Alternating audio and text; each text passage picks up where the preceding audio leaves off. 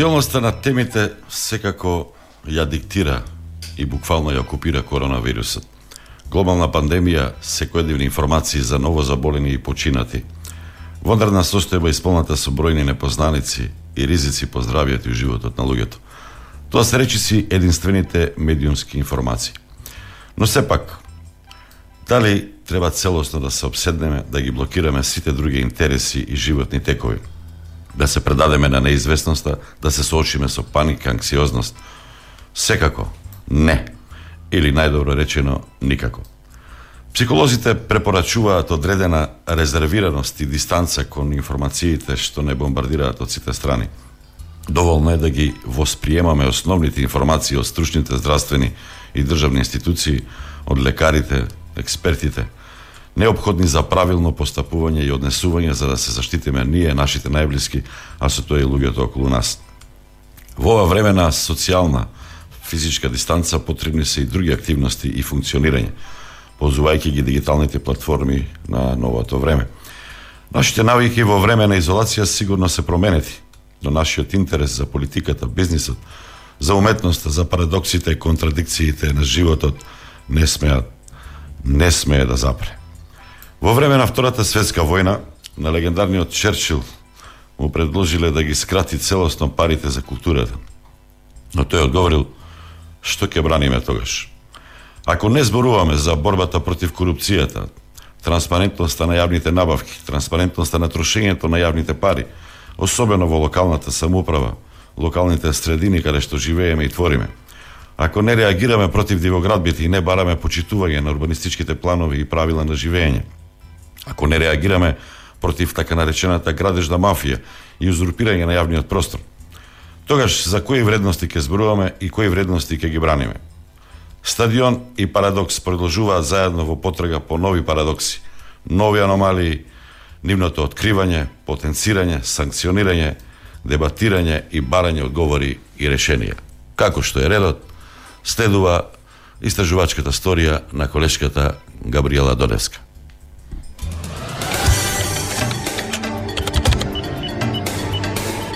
Парадокс. Новинарски истражувачки приказни. Земјата продолжува да презема проактивни истраги, гонења и конечни пресуди за случаи на корупција, вклучително и на високо ниво. Ги потврдува позитивните трендови пријавени во 2018 година. Зајакната е законодавната рамка за спречување на корупцијата. Овие напори треба да продолжат со иста засиленост и на транспарентен начин, без оглед на позицијата или политичката припадност на осомничените. Вака Европската комисија во својот последен извештај, објавен во февруари оваа година, ги оценува реформите во областа на корупцијата во нашата земја. Според овој извештај, во 2019 година имало вкупно 38 осомничени обвинети, главно за злоупотреба на службената власт во врска со кршење на постапките за набавки, дивоградби или нелегална продажба на државно земјиште. Исто така во извештајот стои дека се уште има многу работа за да се зајакне состојбата со борбата против корупцијата во јавните набавки. Ова е ранлива област и може да биде подложна на корупција. Водена по препораките на Европската комисија антикорупцијска во периодот од јануари до август 2019 година, според кварталниот извештај јуни-август 2019 спроведен од страна на Транспарентност Македонија, доставила 500 изјави за судирни интереси и извршена е проверка на сите поднесени изјави. Во текот на јуни-август од страна на 21 службено лице било побарано мислење за постоење на сомневање за судирна интереси и за сите било дадено мислење за постоење или непостоење на судирна интереси. Таков беше случајот кога градот Охрид објави тендер за фирма која што ќе руши дивоградби, а на истиот се појавија две фирми од кои едната во собственост на председателот на огранокот на Дуи и советник во општината Нефи Усеини. Собственик на пицерија сместена до заштитениот чинари бетонска база на крајбрежјето на Охридско езеро и двете дивоградби во градот под закрила на УНЕСКО. За ова антикорупцијската комисија даде заклучок дека фирмата Нефи ИК која се појавила на тендерот не може да добива тендери од општината и општинските предпријатија. Од ДКСК до општина Охрид испратен беше допис со мислење дека ќе настане состојба на судирни интереси, доколку општината склучи договор со правно лице, каде како собственик се јавува член на советот на општина Охрид, а како управител се јавува член на неговото семејство.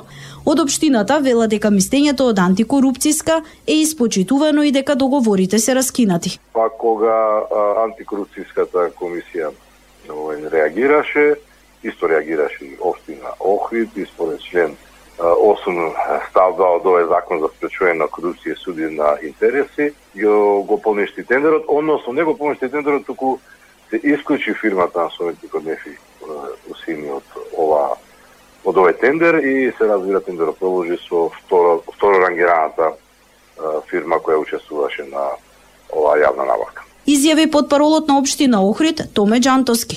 Според јавните набавки на општина Охрид јавно објавени на веб страницата на општината стои дека фирмата Нефи и К во собственост на советникот Усеини не се пријавила за прв пат на општинските тендери. Во изминатите две години од општинските предпријатија оваа фирма добила 8 тендери во вредност од 225.000 евра.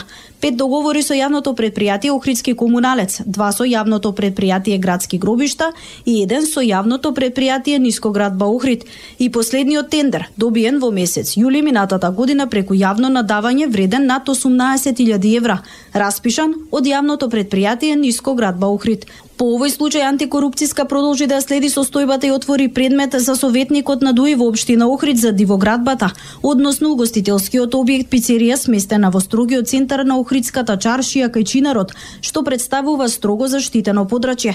Објектот започна да се гради во март минатата година на државно земјиште. На самиот старт доби решение од општина Охрид дека има 10 дена рок самиот да ги урне конструкцијата и платформата, но наместо тоа 4 месеци подоцна беше отворен нов угостителски објект, пицеријата Луна со префикс дивоградба во центарот на Охрид. Председателката на антикорупцијска Билјана Ивановска во август месец минатата година изјави дека предметот се разгледува и штом се заврши ќе даде заклучок на општината. Во врска со објавениот тендер од страна на општина Охрид за избор на фирма која ќе ги руши дивоградбите во Охрид, каде што а, меѓу двете фирми кои доставиле понуди на тендерот е и фирмата на во собственост на членот на советот на општина Охрид, Нефи Усени, кој е собственик и на пицеријата дивоградбата кај Чинарот во Охрид, Државната комисија за спречување на корупцијата испрати сообштение до медиумите за ограничувањата кои се однесуваат на службените лица во соработка со правни лица што се во нивна собственост или во собственост на нивни блиски лица, а во насока да превенира потенцијален судир на интереси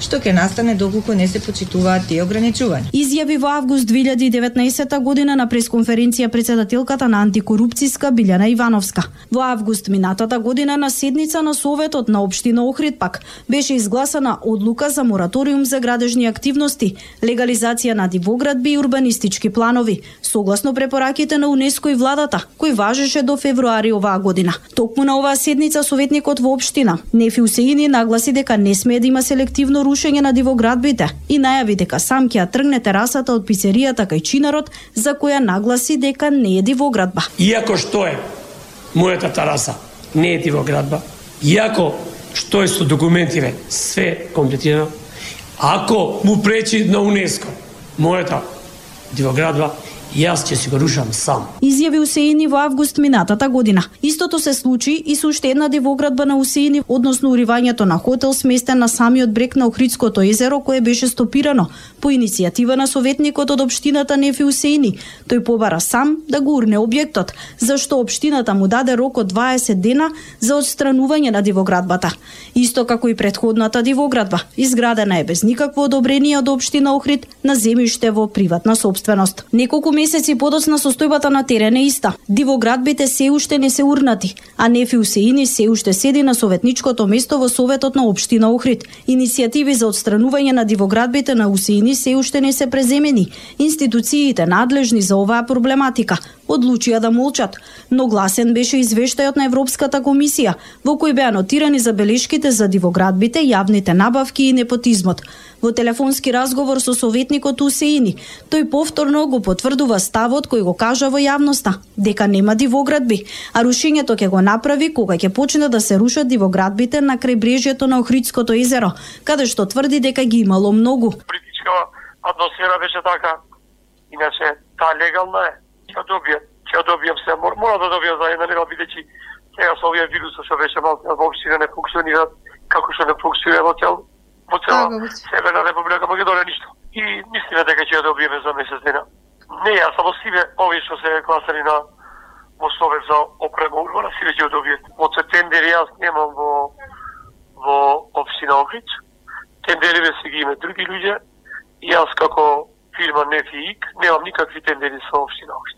Тендериве што беа порано ми, ми ги поништеа и по моментот да немам никакви тендери јас. Вели Усеини. Минатиот месец Државната комисија за спречување на корупција по собствена иницијатива објави дека ќе проверува дали владата законски го поставила советникот од општина Охрид Нефи Усеини за член на надзорен одбор во Охридскиот центар за социјални работи. Одлуката била подпишана од поранешниот премиер Зоран Заев и објавена е само неколку дена пред неговото заминување од функцијата премиер. Оваа одлука е спротивна со член 44 од Законот за спречување на корупција и судир на интерес интереси став 4 со што лицето Нефи Усеини извршува избрана и именувана функција, член на Советот на Обштина Охрид и член на орган за надзор во Центарот за социјална работа во Охрид, што е воспротивно со наведениот член. И покрај сите работи поврзани со Нефи Усеини, тој се уште е на функција советник во Обштина Охрид и според оние институции кои ја мерат правилноста на функционирање на еден член на Советот на Обштина, тој нема прекршено ниту една регулатива од законот со што би му донела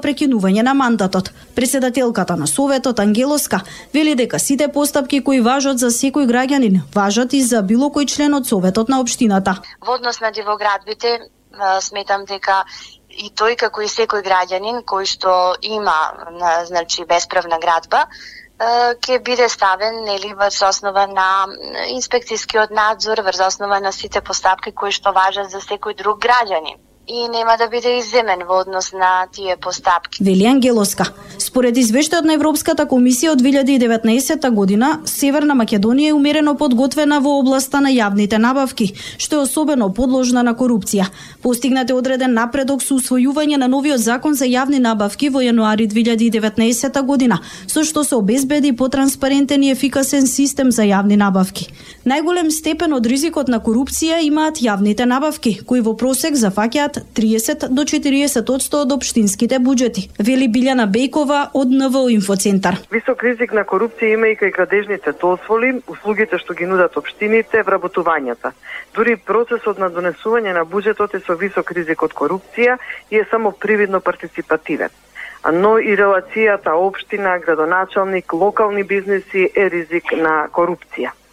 Најризични точки пак на локално ниво се градоначалниците, инспекторите, раководителите на сектори, советниците, административните службеници кои им даваат услуги, односно сервиси на граѓаните. Накусо можам да кажам дека висок ризик на корупција има секаде, ама најмногу таму каде што се инволвирани парите. Вели Бејкова, таа порачува дека општините мора да се посветат многу повеќе на подигање на свеста, но и градење на механизми и практики за борба против корупцијата. Општините мора да се посветат многу повеќе на борбата против корупција, затоа што дури 82 од нив, 82% од нив немаат никаков документ за антикорупција. Многу малку имаат развиено практики и механизми за спречување на корупцијата. Исто така мора да се подобри свесноста за корупцијата и особено за судирот на интереси, бидејќи тоа е на многу ниско ниво. Заложбите во насока на спречување на корупцијата и судирот на интереси се уште се само декларативни. Така што покрај изработка, усвојување, воведување и спроведување на конкретни полици, антикорупцијски политики, мора да се работи и на а, градење и на спроведување механизми и практики кои што ќе водат во суштина кон спречување на корупцијата, почитување на етичките стандарди, отчетното и транспарентно владење. Порачува Бејкова. Корупцијата во локалната самоуправа најчесто е детектирана при вработувањето, работата на инспекцијските служби, доделување на јавни набавки и градежни дозволи. Градоначалниците спаѓаат во категорија најподлежни на корупција, а по нив се советниците, инспекторите и општинската администрација. Во согласно со истражувањето за перцепцијата на граѓаните за корупцијата спроведено од Државната комисија за спречување на корупција, но и на граѓански организации, граѓаните знаат да ја препознаат корупцијата во сите незини облици, но исто така според општата перцепција на граѓаните, корупцијата е присутна во одредени сектори во јавната администрација. Врз основа на овие податоци, потребен е системски пристап за информирање на јавноста за сите облици на корупција како и штетноста од неа. Јакнење на свеста на граѓаните од исклучително значење за спречување со негативните обштествени појави, како и едукација на јавноста. Овој сегмент од емисијата е подготвен од страна на интегрираната редакција на Радио Канал 77 со поддршка на Американскиот народ преку Агенцијата на САД за меѓународен развој УСАИД. Мислењата изразени во овој сегмент на емисијата припаѓаат на редакцијата на Радио Канал 77 и не ги изразуваат ставовите на УСАИД или на владата на Соединетите Американски држави.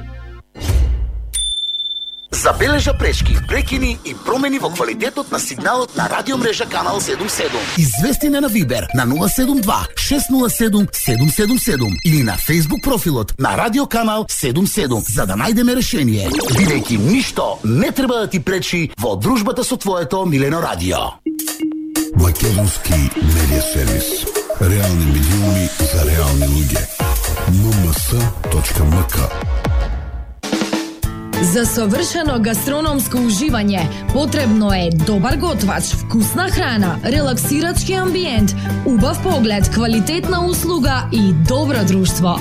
Од дома понесете само друштво. Останатото веќе ве чека во Радио Кафе Канал 77. Стадион. Емисија за вашата вистина. Ете, ја слушнавте историјата.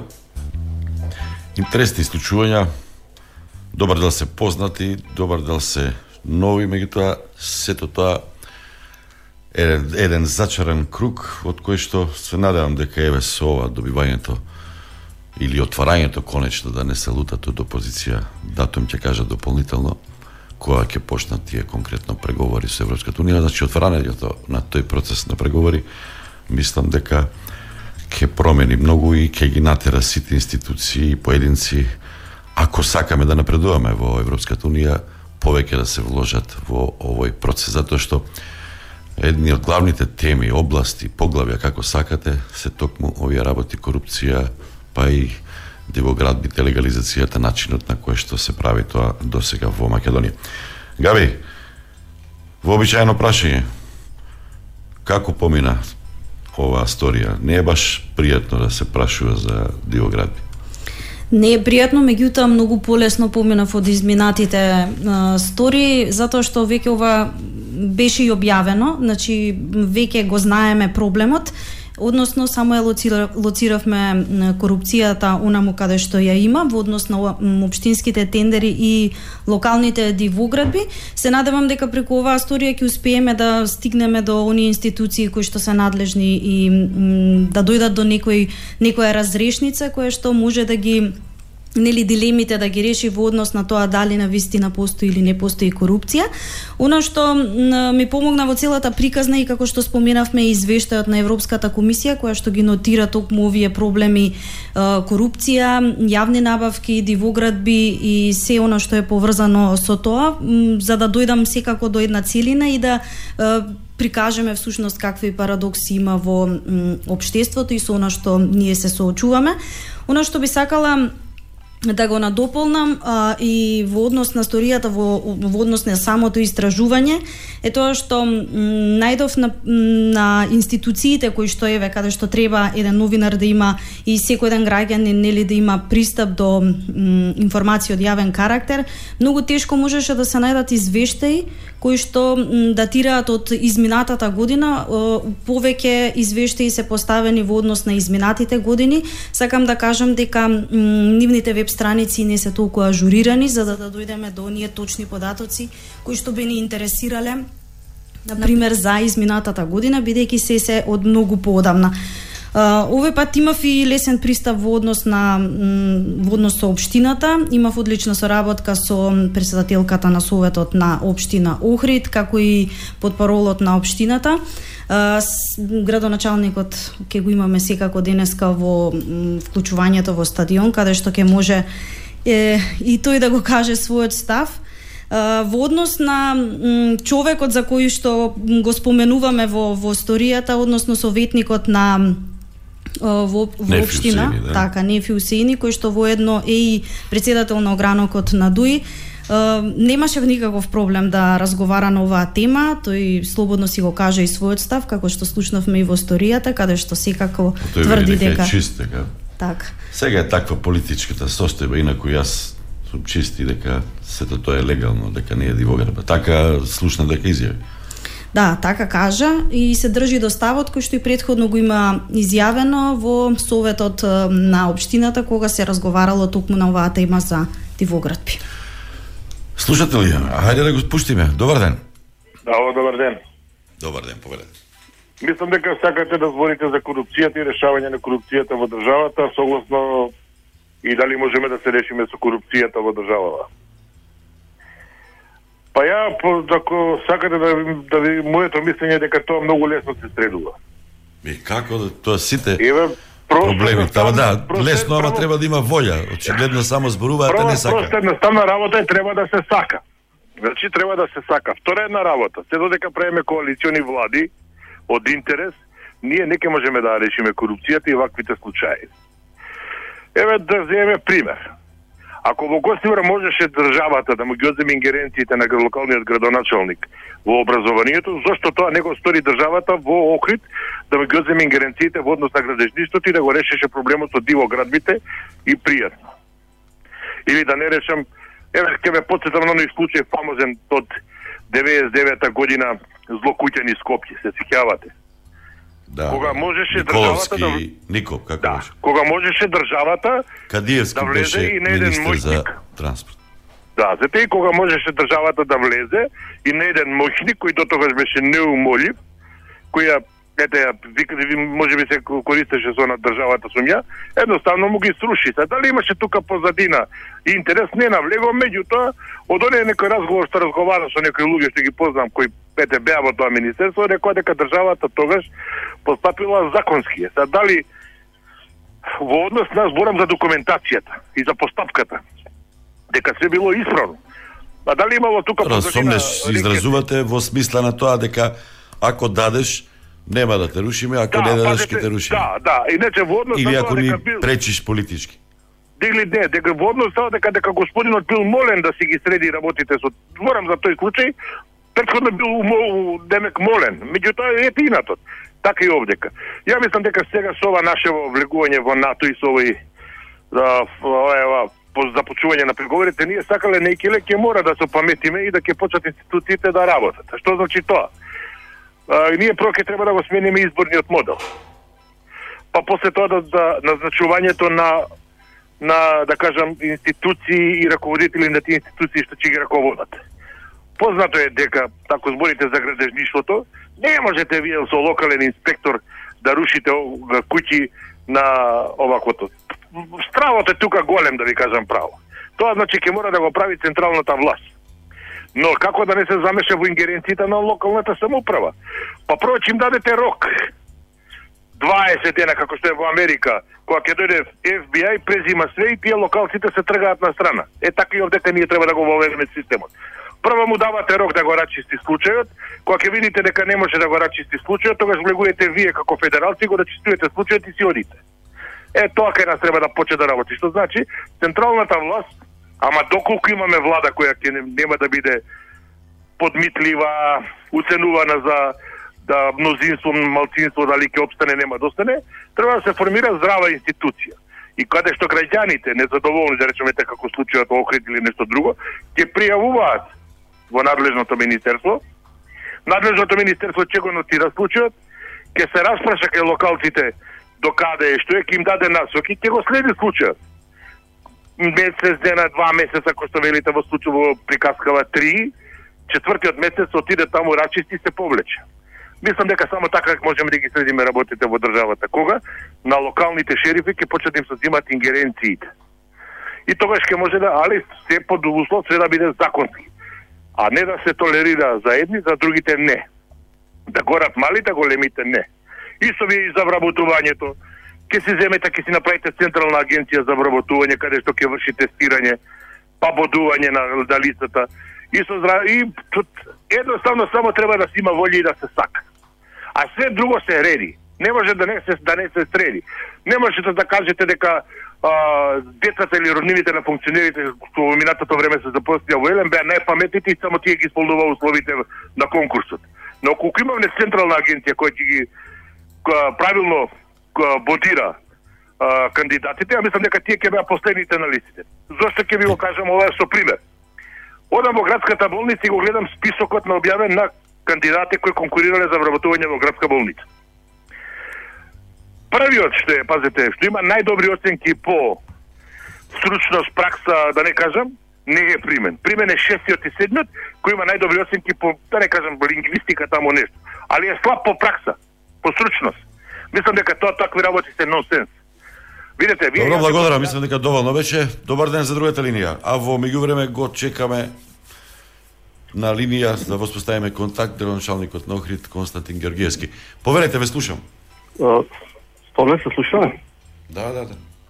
А околу корупцијата денес колку што разбраше тема, така? Па не е само тоа е малку поширок чадор, и то тука има подтеми.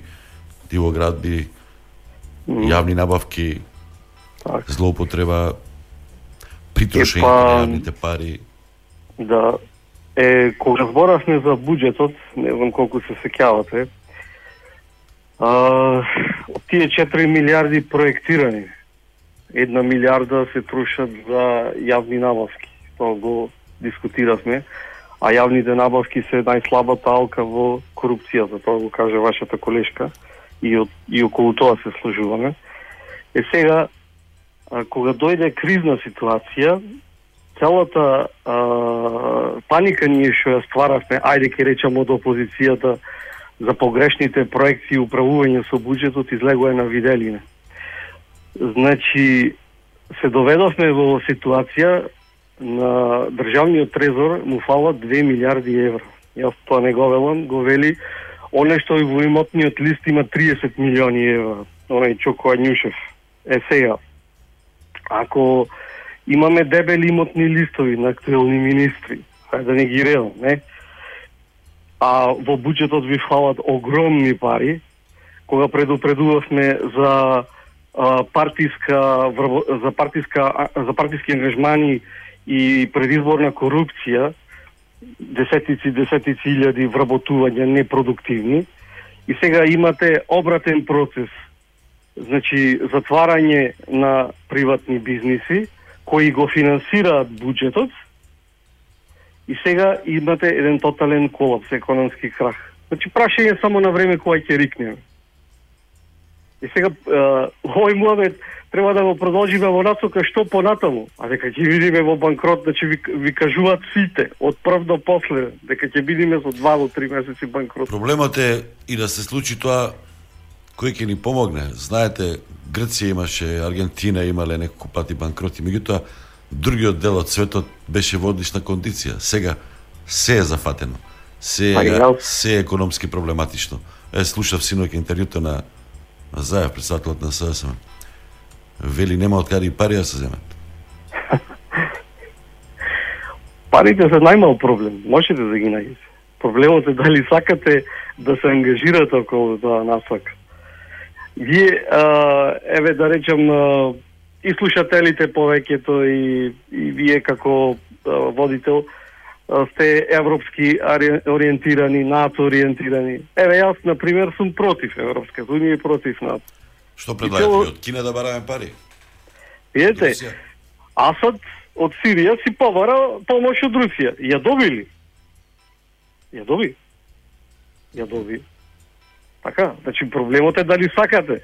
Ако сакате, ќе ви помогнат. Еве, италијанците си побараа помош од, од руската војска. Еве, си, си добие. Може и задокне Пак да... околу помошта, а, не ја подценувам таа сега Кина е во офанзива да го смени малку имиджот, да го тргне тоа што на почетокот како печат беше ставено дека она е виновна за коронавирусот, кај неа се појави, не знам што, и сега се обидува да помогне и тоа е добро.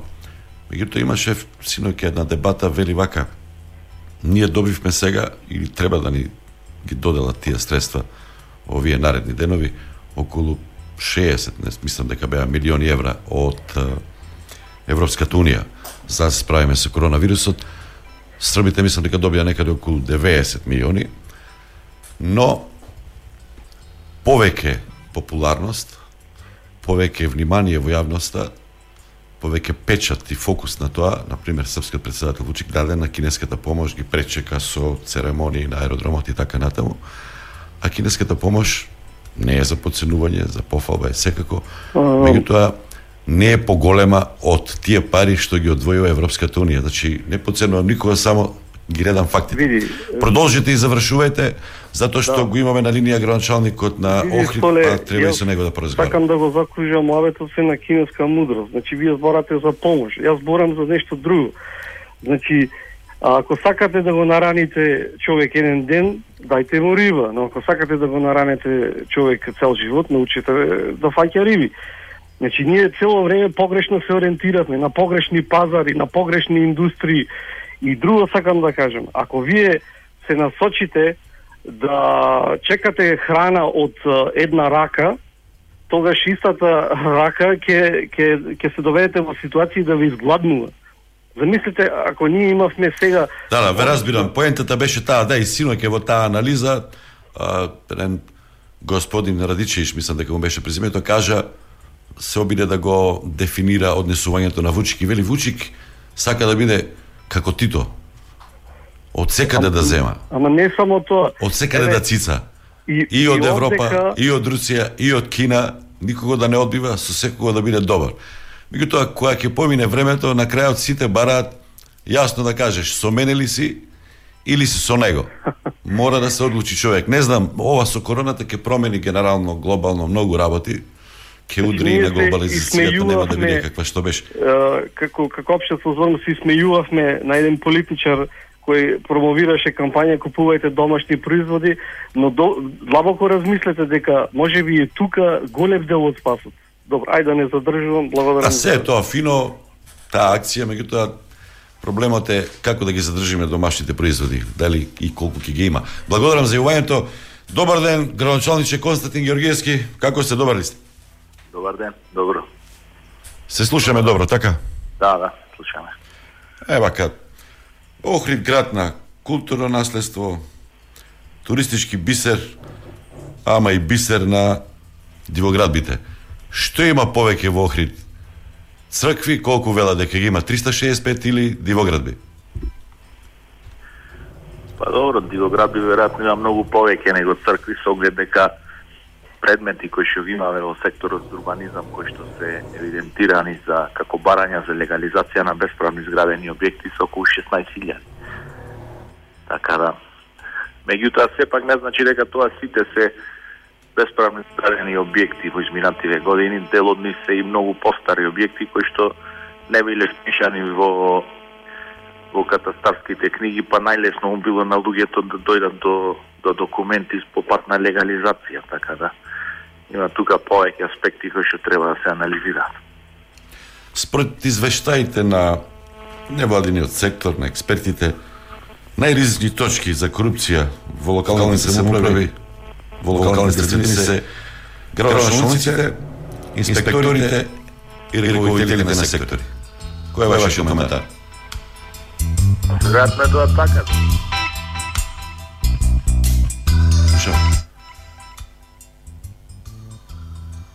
Дали се слушаме, Грачо? Повелете. Тие се тие викам кои што носат одлуки ракодните структури тука, меѓутоа спрегата, барем мое мислење е така ова кратка скоро година кога сум јас градоначалник, спрегата на урбаната мафија и на и на да речам тие нелегални некакви комбинации кои што се прават најчесто е со службите затоа што ќе се заврши работите, после кога ќе дојде кај граначалникот на подпис, веќе е целиот предмет чист, исчистени, треба само да се верификува одобрението. Околу дивоградбите имаше еден чуден маневар во Советот, обид да се проложи рокот за легализација, сепак после го усвоја вашиот предлог. Некако тешко оди со политичката волја. За последниот мораториум, ако ме прашувате, значи одлуката ја испративме ние службите од одделението за поддршка на Советот и испратија еден ден пред одржување на седницата затоа што предлог одлуката која што ние имавме спремено представниците од животна средина од Министерство за животна средина и од култура има некакви забелешки па инсистираат да дојдат на состанок.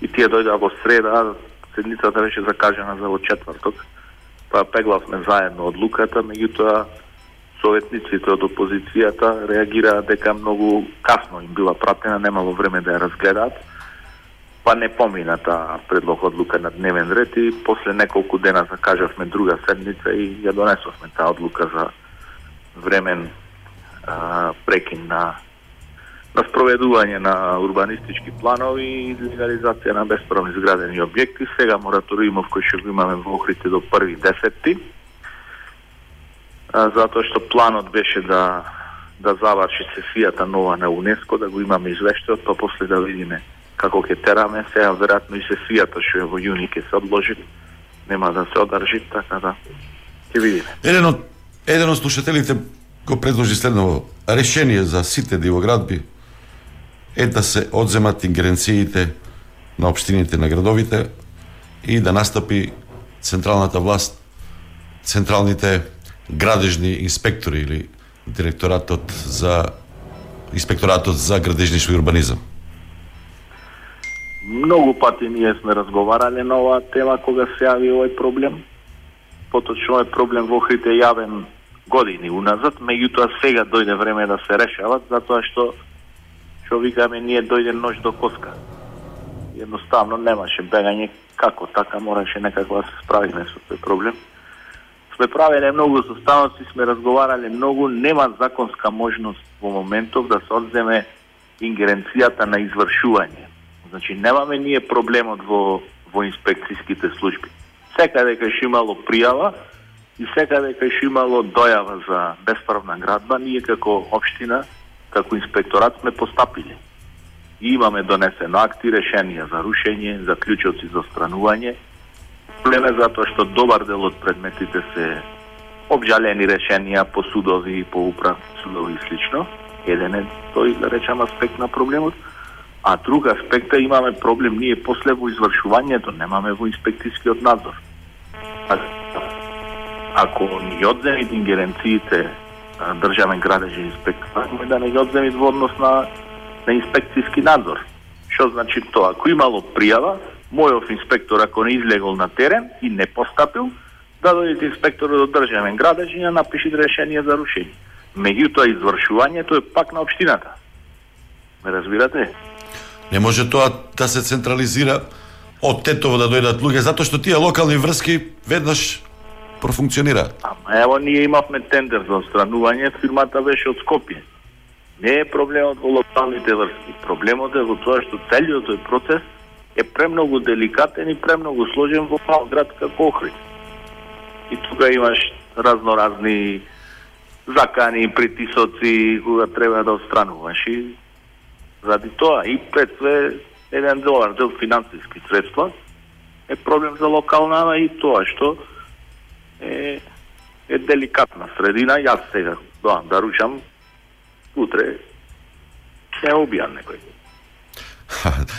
Со државниот, со градежниот инспекторат, каква е соработката? Затоа што ние имаме лошо искуство, не можевме да го добиеме никако директорот Локман Лимани. Државниот градски инспекторат има надлежност на во старо градско јадро и во во добар дел од тој заштитен дел кој што е зона на и таму Министерство за транспорт и врски го хрити да дозволи за градба во тој стар дел и е надлежен државен градски инспекторат и тие се слабо екипирани и тие курат со пари. Така тешко е.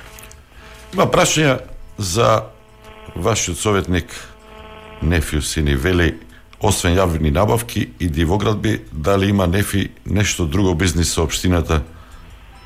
Нема никаков бизнис. Со јавните нема... предпријатија, со пазарите, Со јавните предпријатија со тезгите. има со јавните предпријатија имаше порано а, тендери, меѓутоа со пријавата од антикорупцијска комисија летово и сите тендери му се сите договори кои што ги имаше со општината му се раскинати.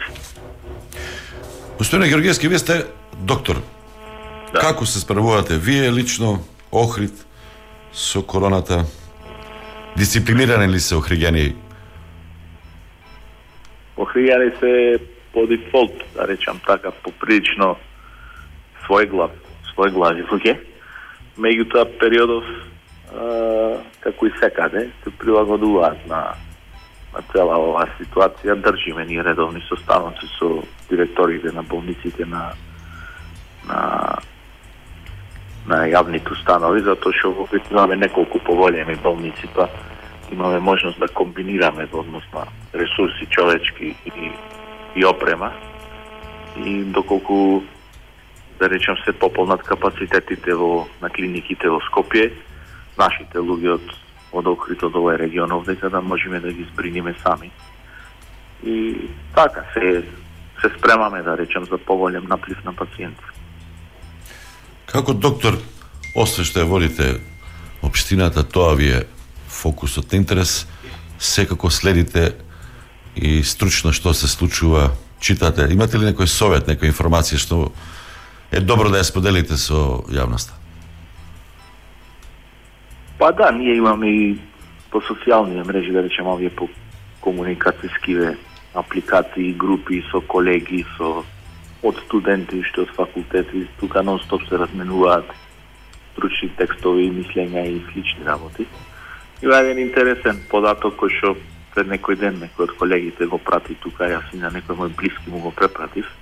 Тоа е еден научен труд во 2007 година, кој што е публикуван во Американскиот журнал за микробиологија и каде што е правен осврт на епидемиите, пандемиите кои што беа во минатите години со H1N1 и SARS, кои што делумно се предизвикани од коронавирус. И пред последната реченица стои буквално вака. Постоењето на овој вирус во, во животните и културата на конзумација на животни во Јужна Кина представува темпирана бомба. Значи, тоа е нешто кое што било публикувано 2007 година. Меѓутоа, ето ние како, да речем, како човештво, не сме го зеле тоа здраво, не сме го зеле тоа сериозно, сме го зеле здраво за готово и ево се имаме ситуација да да се обистинат тие, да речем, научни трудови кои што ги работеле пред повеќе од 10 години. Е, да завршиме само, имаме прашање од слушатели на Facebook, на чатот. За джамијата има едно прашање. Прво ќе да. се руши, после да не се лажеме. Тешко тоа да се оствари. И да. Габи, имам уште едно прашање. А има прашање до градоначалникот дали општината Охрид ги почитува го почитува законот за даноци на имот и дали решенијата за данок на имот се доставени до ночните врсници. Повелете две прашања. Значи во однос на джамијата тоа беше еден проект кој што беше како резултат на меѓудржавен договор, меѓувладин договор меѓу Република Турција и Република Македонија тогаш. Таа цела приказна датира многу наназад. Проблемот е тука што кога пристапиле кон, да речеме, таков заеднички проект за реконструкција на Алипашината джамија, тогашната власт не ги средила документите до крај, значи не му издала на на да речем донаторот на, на фондација Тика не му издала правосилно одобрение, туку му издале само одобрение за конзервација и реставрација кое што не е одобрение за градба, а додека проектот кој што тогаш е оверен е исто така со минаре, постоечко вако како што изградено сега малце повисоко и тоа е проектот кој што оверен, меѓутоа формалното одобрение не е издадено и после тоа а, се правени таму инспекцијски надзори и пишани се и решенија соодветни. Така да беше еден наследен проблем кој што задираше, да речем, во малку по поширок диапазон на, на односи меѓу, меѓу државни. Меѓутоа сето тоа а, по мене не беше толку проблем колку што беше лошо менаџиран од страна на и од тие кои што беа инвеститори таму и тој од страна на државата. Имаше основ сето тоа правно, веројатно да се да се реши во минатото, меѓутоа ето така тоа стана и се изгради нов. И за даноците само. Да, а за даноците, поделението за даноци си постапува согласно законот, си ги доставуваат решенијата, така да тоа немам нешто специјално околу за. Јас ви благодарам за гостувањето. Мислам дека доста работи разјаснивме. Чувајте се вие, чувајте ги охригани и останете со добро здравје. Многу здравје, поздрав. Ова беше граначалникот на Охрид Константин Георгиевски. Ако имаме слушател да го пуштиме, ако не, понатаму продолжуваме. Режија, слушател? Нема, нема слушател. Ги знаат телефоните доколку се заинтересирани можат да се јават, да ги вклучиме во програма. Сега следува едно видео или дел од едно видео на Ирала. Сашка Цветковска, колешката, е таму една од главните полуги, така да се изразам, подоста и неа ќе ја слушнеме, да да слушнеме дел од тоа видео кое што е направено токму на оваа тема. Охрид, дивоградби, корупција.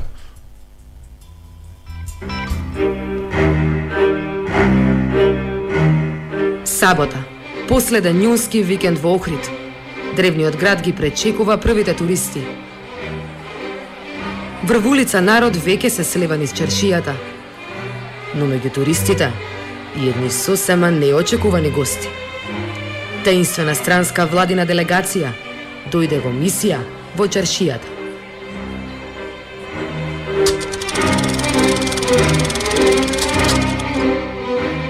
И за гостите и за домакините се чини дека е важно оваа прошетка да е што помалку забележлива. Никој не разбра дека таа ноќ во Охрид дојде еден од најмокните политичари во Турција. Председателот на турскиот парламент. Дестинација Охридскиот чинар. Локација Алпашината џамија, каде што се гради староновото минаре со пари на турската влада.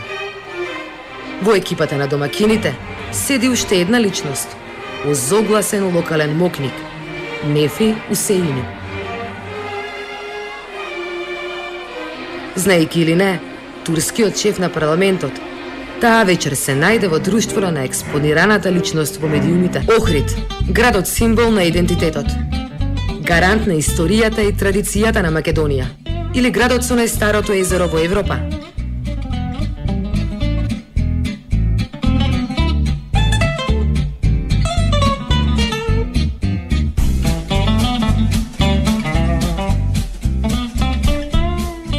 Но древниот град е под закана. Автентичноста и природните редкости се жестоко нападнати. Урбаната мафија со децении го уништува крај брежето на Охрид. Градот на УНЕСКО може да биде збришан од мапата на светското културно и природно наследство. Според УНЕСКО постојат три причини за овие штети со катастрофални последици. Првата група се обичните смртници или граѓаните кои самите граделе од терасички до скалички до надградби на нивните куќи. Ова е социјалната група, која ги прифаќа правилата на системски прифатеното безредие и ги крши законите, колку минимално да ги подобри условите во својот живот.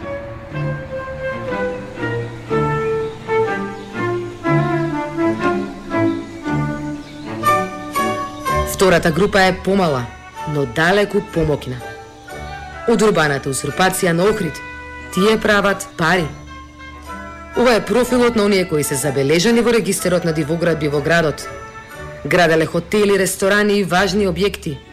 За нив се сечеле шуми во национални паркови. И од тоа, тие и нивната клика на луѓе се богателе. Без никакво почитување на законите и без страв дека некогаш ќе бидат казнети. Во 1995 година, младиот Некој Усини од Охрид ќе изврши тешка кражба. Судот во Ресен следната година ќе го осуди на 3 месеци затвор, под услов да не стори повторно кривично дело. Но Нефи никогаш нема да ги одлежи оние 3 месеци. Иако кривичното дело го повторил пак во 96-та година, во 99-та, во 2001-та и пак и пак и пак. Секоја година правел по најмалку едно кривично дело, насилство, тешки кражби, предизвикување општа опасност, фалсификување патни исправи, загрозување на безбедноста. Не одлежал ниту еден ден затвор. И некако секогаш успевал да го надитри судскиот систем. Не е познато како Нефи Усини го заработува своето богатство, но како деловен човек, прв пат се легитимира во 2010 година. Ја отвара градежната компанија Нефи ИК.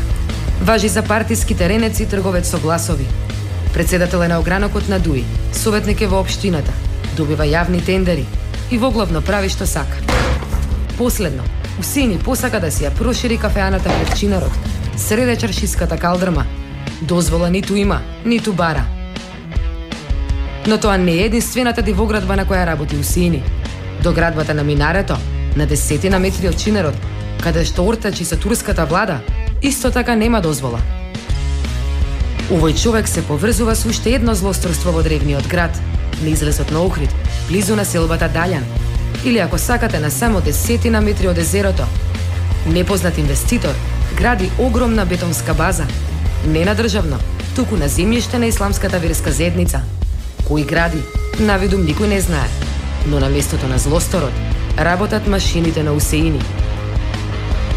Во мар дошол инспектор и тој не знаел кој гради, Тогаш поднесува кривична пријава, но работата не може да мрдне од место. Бидејќи веќе пет месеци, полицијата уште го бара непознатиот сторител или инвеститорот на најграндиозната дивоградба во Охрид. Дури во август годинава, обвинители и полициски инспектори ке тропнат на портите на неговите компании, но исходот уште се чека. Во меѓувреме градителот е речи си готов. Готова и кафаната на Нифи Усини пред чинарот. Премиери, заменици, градоначалници, наместо законите да ги спроведуваат, се молат и се обедуваат со еден локален шериф.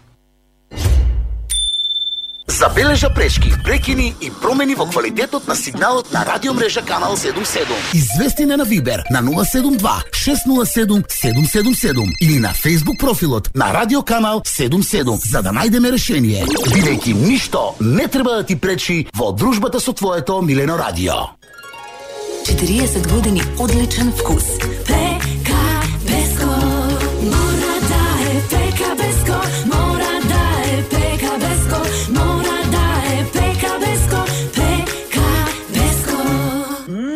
40 години Пека Беско. За совршено гастрономско уживање потребно е добар готвач, вкусна храна, релаксирачки амбиент, убав поглед, квалитетна услуга и добро друштво. Од дома понесете само друштво. Останатото веќе ве чека во Радио Кафе Канал 77.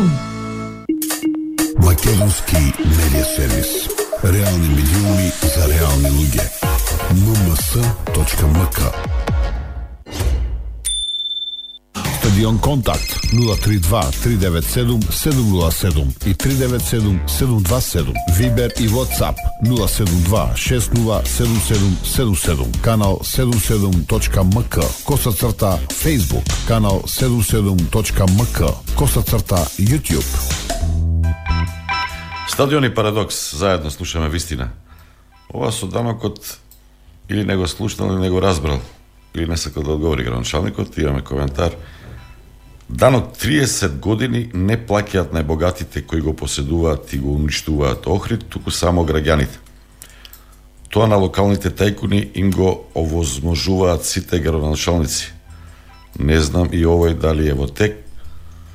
Е, така може да биде секогаш плаќаат обичните граѓани. Богатите се заштитени. Рак рана е урбанизацијата во Македонија посебно важна тема. Дивоградбите се во голема мера како резултат на спората урбанизација на просторот. Тоа струката како да е на маргиналните на маргиналните а е нешто најважно. Значи струката не ја користат во урбанизацијата, па може би намерно, ако ја користат, тогаш нема да може да прават што сака. 90-тите години рушењето беше под капата на Министерството и се беше организирано и се уриваат дивоградбите. Сега е сосема поинако. Сашка Цветковска, Ирала, дали се слушаме? Слушаме, Столе. Е, Сашка, го слушнав интересно, фино, убаво направено, симпатично видеото и содржајно. Имате многу теми што ги истражувате, секојаш се бавите со корупција, со проблематични ситуации кои што не се пријатни за прашување. Сега влеговте во Охрид. Како помиравте или навикнати сте на закани, на притисоци? А, како поминавме? Поминавме исто како и секаде. Зависи што луѓето подразбираат под закан или од притисок. Многу од колегите не советуваа, колеги од други редакции кои го истражуваа, не советуваа дека може би не е паметно да одиме во Охрид и да го бараме некој син и да пишуваме за него. Се зборуваше дека човекот а, може да се смета за одредена безбедносна закана со оглед на неговата а, судска историја во која има повеќе од 20 случаи на насилство, на физички пресметки, шверцови, што не, мислам, Нефи Усини е еден типичен а, ноторен а, карактер, а, добро познат на нашите граѓани 30 години и не е само Нефи Усини, Нефи Усини е само охридскиот символ во секој еден град, има по екој еден град, има по екој еден град, има по екој еден град, има по екој еден град, има по екој еден град, има по екој еден град, еден или двајца Нефи Усеини. А, ние не само што отидовме, туку во Охрид го тестиравме и нашиот прв модел на мобилна редакција. Значи, ние отидовме таму, таму истражувавме и дури поставивме и банери делевме а, материјали со цел да ги охрабриме граѓаните на Охрид да пријават локална корупција. пред дивоградбата, која во тоа време на големо се градеше кај нив и усини, додека ние разговараме со граѓаните за проблеми а, За со пицеријата, урбанизација и корупција пред пицеријата, позади нас работеа машините, се градеше, во меѓувреме тоа беше најжешката тема на телевизија. И го следа внимателно и разговорот со градоначалник, градоначалникот и вашите забелешки. Значи не е овде само проблем, не се проблем да дивоградбите, туку комплетното отсуство на визија во урбанизацијата. А, ние урбанизацијата одредува, луѓето мислат дека тоа е само некои збори, значи градење не е така. Урбанизацијата одредува каков квалитет на живот ќе имаме сите ние. Дали паметно планираме и дали користиме наука аплицираме во начинот на кој ги дизајнираме новите улици, новите градови, новите населби, старите ги поправаме, додаваме градежни маркички.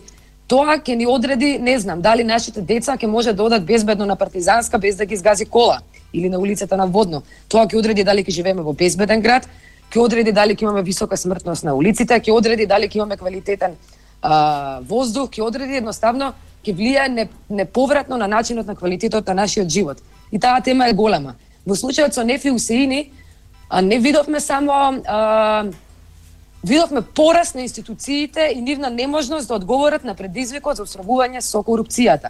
Имаме низа на институции кои овде потфрлија. Го имаме градежниот државен инспекторат. А сите знаеме дека Нефи Усени е човек од Дуи. И се очекувањата во едно партизирано општество се минимални дека тие институции ќе се погрижат и ќе го решат овој случај. Ние имавме премиер, министр за внатрешни работи и министр за економија кои одеа и го молеа господинот Нефи Усини да престане да ја гради во градбата. Јас а, тоа го изјавуваа високи функционери, дека тие едноставно го замолиле човекот. Ја не знам што да кажам, Македонија како за мала држава е екстраординари, неверојатно корумпирана земја. И... А го замолуваат затоа што е коалиционен партнер. Ке падне Да, може би затоа што е коалиционен партнер, затоа што падне Македонија влада. е демократија. Македонија не е демократија. Ние може да се залажуваме многу, но во Македонија влада е партократија. Тоа го гледаме најдобро и сега во време на COVID-19. Ние имаме партии кои неодговорно и манипулативно објавуваат а, во кои што ги бранат интересите на профитерите и не се на страната на институциите. Времења како пандемија, на пример, се најголема шанса за оние кои сак за криминалците и за корумпираните. Ние во меѓународната мрежа за известување за организиран криминал и корупција сме посветени да ги следиме сите случаи за COVID-19. И отприлика слично како случајот со Нефи. А, наскоро ќе читате Нирала и повеќе за ова. Добро, Сашко има еден коментар, вели, вели вака еден коментар, без никакви навреди, меѓутоа, може некој ќе рече и малициозен, ама Боки 13 е појак од короната. Боки 13 милион и пол евра, корона нешто над 300.000 евра. Деме колку пари земале од Систина, ме разбираш? А, да. Добро. Малициозен може би е е тој коментарот, да. коментар, да. Не, А, не, да сме не сакам никога на како- навреда, меѓутоа генерално е гледам Гейтс 20 и не знам колку милиони долари донира за спортистите по милион најмалку еве Федерер, Џоковиќ и кај нас Бери Кетверсен на тие пари малку многу што ги одвојуваат спортистите. Меѓутоа дали нашите бизнисмени еве одвоја некои од нашите компании да ја споменам Алкалит дали нашите бизнисмени се навистина толку богати или се сепак сиромашни се прават дека се многу богати или пак немаат никакво чувство за обштествена одговорност. Не можам да ти одговорам најдиректно, малце е покомплексно прашањето, прво за какви бизнисмени станува збор. Дали тоа се оние бизнисмени од кои го бараме да го вратат она што нам ни припаѓа или други бизнисмени? Бидејќи сите ние овде 30 години, јас работам многу помалку од тебе, стола, ме знаеш од почетоците, 9-10 години. Во овие 10 години, а, она што е видливо е дека медиумите се окупирани од бизнисмените. Најголем дел од медиумите во Македонија, секоја чест на исклучоците, а, се водат од луѓе чиј примарен интерес не е медиумскиот бизнис, туку нивните други бизниси. Ова се генерално меѓу најбогатите луѓе од Македонија. Тие постојано биле тема на спекулации, контроверзни, но и на добро издржани текст тестови со факти, аргументи и докази во кои се имплицирале сериозни кривични дела и се сугерирала висока корупција. Ниту една влада, ниту една партија по 30 години не успеа да истражи ниту еден од овие случаи. Ние ги имаме Имаме, на пример, две болници сега кои прават приватни тестови за COVID-19 и а, тие се представуваат себе се како обштественици кои му враќаат на општеството и сега нудат тестови во време кога државата ги нема, значи тие не спасуваат од институциите наши кои ние сме ги создале. Во време на криза ја секогаш би била на страната а, би била заинтересирана да ги заштитиме институциите, бидејќи тие се наши, не на Заев, не на Груевски, не на Мицковски. И сега ние имаме, треба, треба да кажеме фала дека ова е некаков допринос, прво плаќаме за тие тестови. Второ, ова се луѓе кои профитираа од државно спонзорирани сделки во стотици милиони во изминатите години, дел од овие луѓе барем. И сега го имате кревки од бизнис во една и онака урнисана економија, бидејќи кога немате, кога луѓето ваши се селуваат, немате пазар на труд, кога немате пазар на труд, немате економија. Тоа е Македонија и има неколку крупни фаци да ги речеме, кои се онака ситни олигарси, ако мене ме прашуваш моето искрено мислење, на пример, не можете да ги споредувате овие луѓе тука како со не знам, со Тама работа. луѓе со навистина многу пари, како Мило Џукановиќ, да речеме, тој е да речеме покрупен криминалец. така? Него И да, така што ја немам очекување од овие луѓе. Моите очекувања се дали институции Чекај се да испаѓа дека овие нашите за криминал не ги бива доволно. Па, искрено да, бидејќи ние дозволивме луѓе без никакви вештини, никакво знаење и никаква рационална, а, никакво рацио, да не можеме да намераме рацио во тоа. Како сме дозволиле вакви луѓе да дојдат на високи позиции, таму да се да долго време и да управуваат со нашите животи. Така што знаете, ова не е криминал, ова е обично силеџиство. Децата си играат на улица со топката и едно дете поминува насилно, динет на другото дете му го граба сладоледот, му удира бокс и трча. Тие луѓе управуваат со институциите на Македонија, тие луѓе се во а, разни проблематични, неморални, неетички, криминални врски со бизнисмените за кои вие прашувате дали ќе донирали или не. Јас не сакам никој да донира ништо во нашите институции, освен тие што имаат екстра. Прашањето е што правиме со сега кога гледаме како се распаѓаат нашите институции, благодарение на долго одржуваната длабока и висока Да, да, корупција. добро би ни Тоа дошле е сега проблем. дел од тие Добро би дошло, да, 5 меѓутоа милиарди, добро колку би- вика дека се 5 милиарди долари или евра исцицани од буџетот за десетина години. Е, тој па тоа во Будимпешта да прашаме, каде има пари.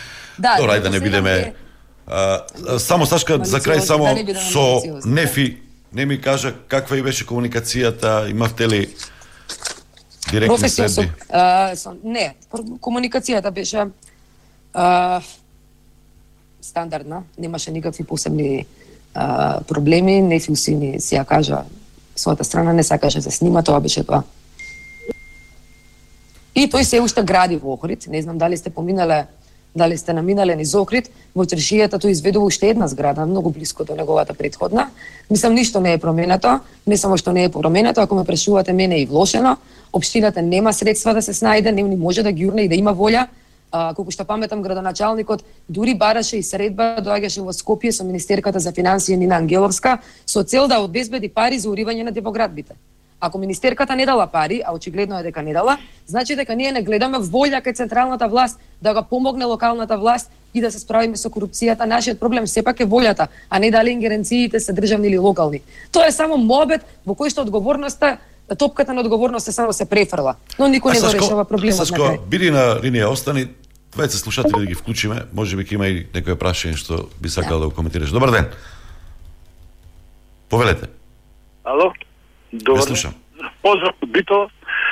Се ви е добро во емисијата, но мислам дека темата, ова ударна, ударниот дел од темата го промашите. Временски мислам. Ова сето да му беше познато и на Охријани, и на целата македонска јавност. Вие до толку Ренгенски да објас, објаснавте ова цела ситуација во Христо и во градбите, ама во време на локалните избори. Ќе беше беше друга ситуација.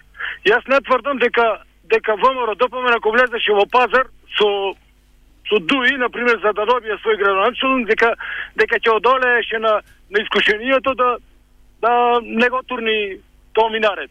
Меѓутоа Охрид и Охријани си ја знаеат цената цената за својата победа таму. И не знам са зошто цел цело време само Охрид, ами Струга, ами Битола, ами цела Македонија со дивоградбите. Меѓутоа добро си кажува искрено е градоначалникот, Константин како ли се вика, дека вели ќе ме опере, вели ако ако почнеш да туркам. Па ќе те опере бе човек и секој друг ќе го опере. За вие кој ќе ова не е проблем од два дена, ова е 30, 60, 70 години. Значи градел секој кој како можел, како стигнал, како имал врски. Сиромајо му се женил, сино па по Дограду, подкрове, гаражата е направил соба, овој можел па зел дел од езерото и то си тера понатаму. Е сега наеднаш се појавува некој си УНЕСКО што вели дека тоа го загразува езерото. Кој езеро бре го, луѓе го загрозува? Оно во кој што фрлате клозетски шуљи и машини за перење, тоа го загрозува. Па јас се сеќавам бев еднаш, еднаш има прилика да видам тука кај хотел Спектар после оние фамозните поплави. Па јас се чудев колку тука езерото истворило по една патика, по една чизма, по еден чевел, по едни пластики, шишина, креми за, за сончење и било што. Значи езерото е тотално загравено. А како ќе се борите со ова? Не можете да се борите сега или денес. Се дури не се најди јунак, што ќе тргне на црта и ќе речи дека што беше, беше од сега понатаму вака. Така беше и во Америка. Кога кога се освојуваат тие големи територии по ранчоите насила или или доброволно, и еден ден американската влада рече од денес црниот капитал ќе стане бел капитал и од утре ќе почнете да платите данот.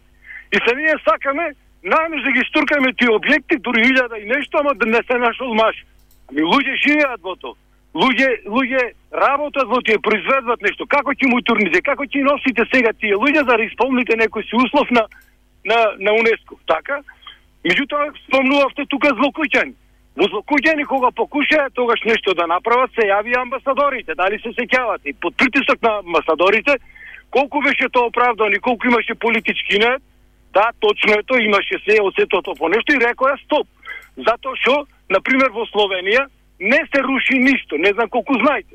Во, во Словенија и во други културни земји те пратат еднаш два пати те поменуват и после ти го го завршваш сето. Тој на крај иди државата и ти го конфискува. И од утре вели ова во злокуќани или овие сите тие пицери ќе направите ќе бидат собственост на државата. Никој не руши, не се прави ненормален, на се дохли да разруши се и да рече гледате УНЕСКО не не пофал.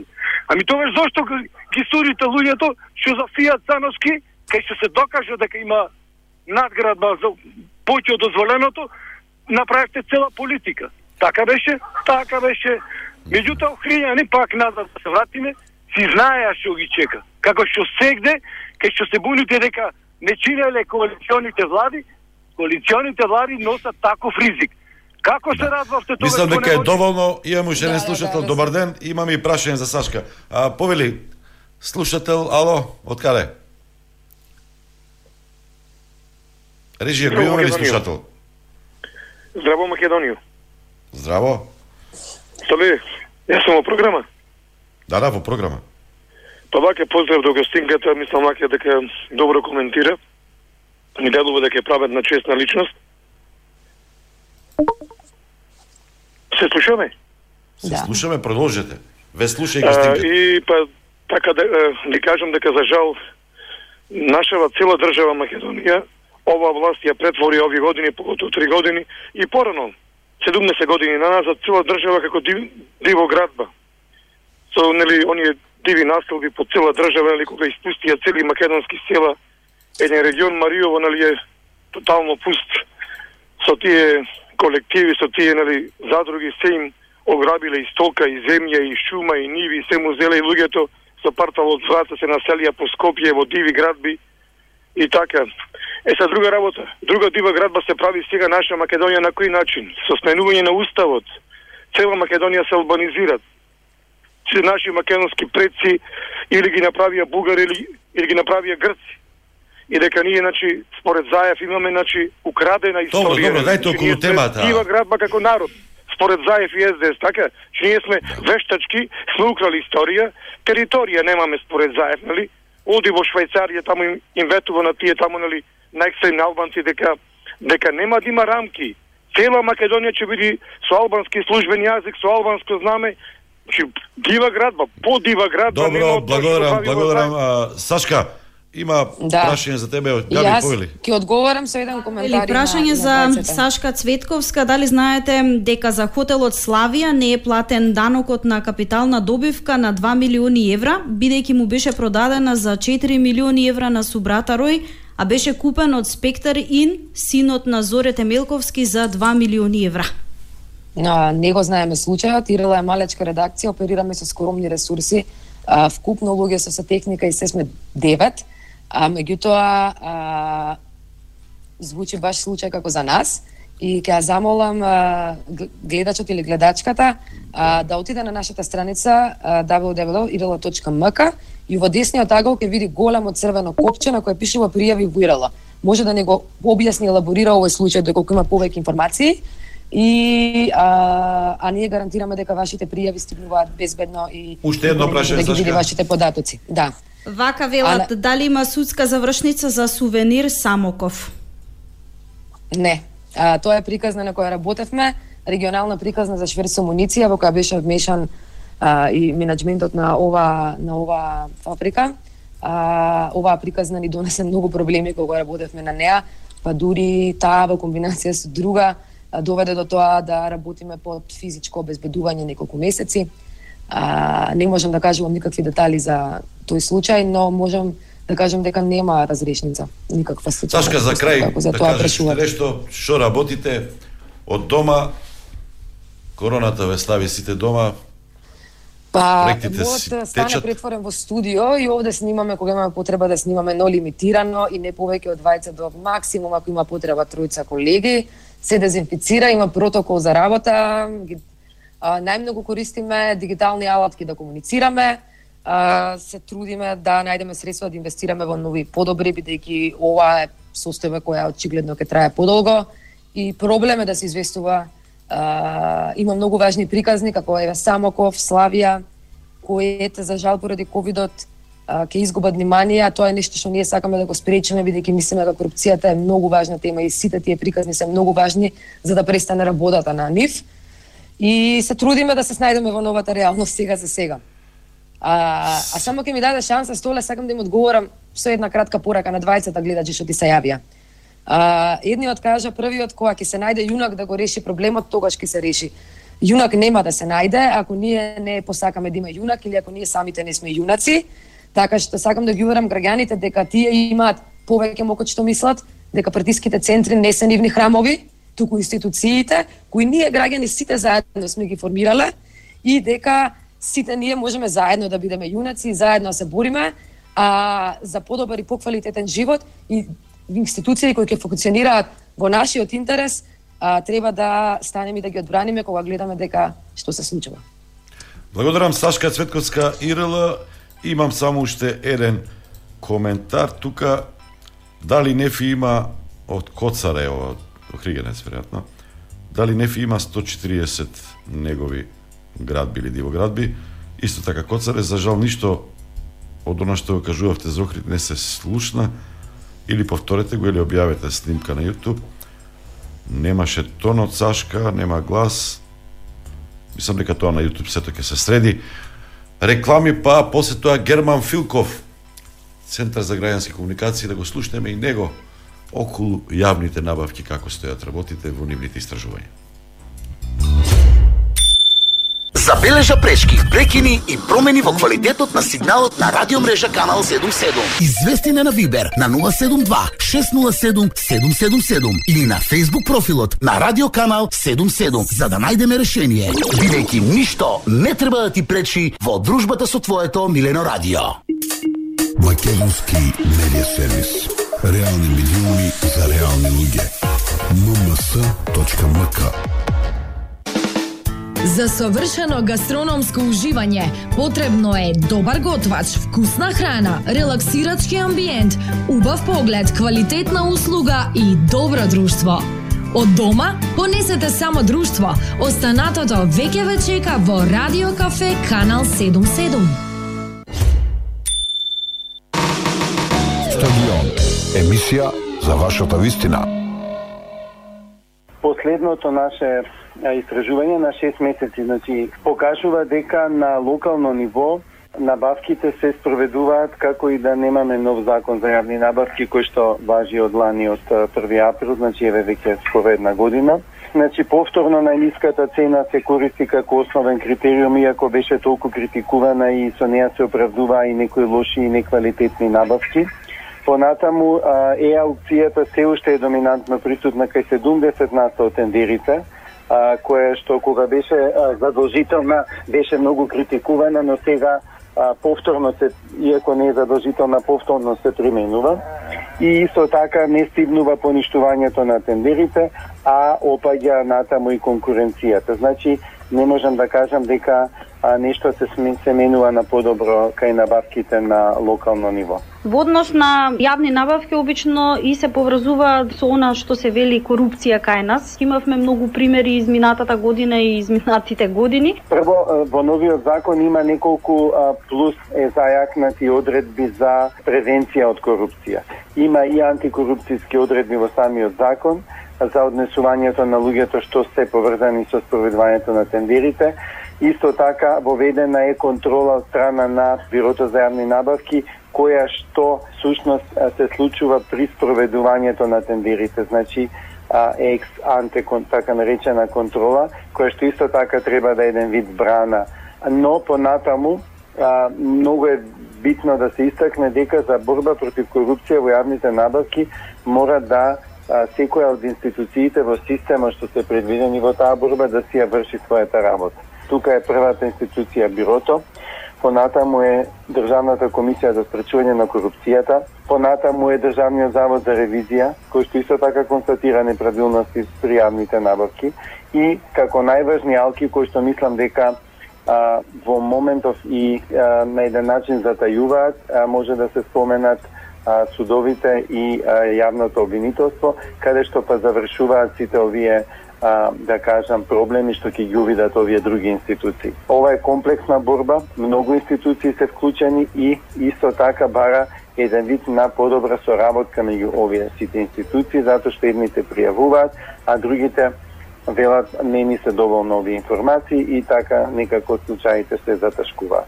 Постојано се стремиме кон реформи кои што постојано ги имаме во извештајот на извештајот на Европската комисија и како треба да се потикнат еве локално општините, граѓаните општо кои што учествуваат во во самиот тој процес? Прво ќе почнам од од граѓаните и од општините. Сега а, транспарентноста видно се зголемува на институциите. Прво тоа значи дека за граѓаните се достапни многу повеќе информации за тоа како прво за што бидејќи се достапни плановите за јавни набавки и како се трошат парите, бидејќи се достапни договорите за јавни набавки и сите други а, информации.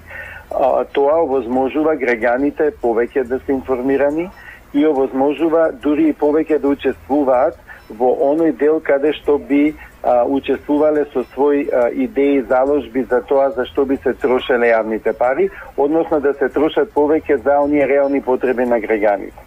Друго, зголемената транспарентност што ја споменав, мора да оди во чекор со а, зголемување на капацитетите на институциите и зголемување на тоа што се нарекува интегритет и личен на луѓето што се вклучени во набавките и институционален на институциите што ги спроведуваат.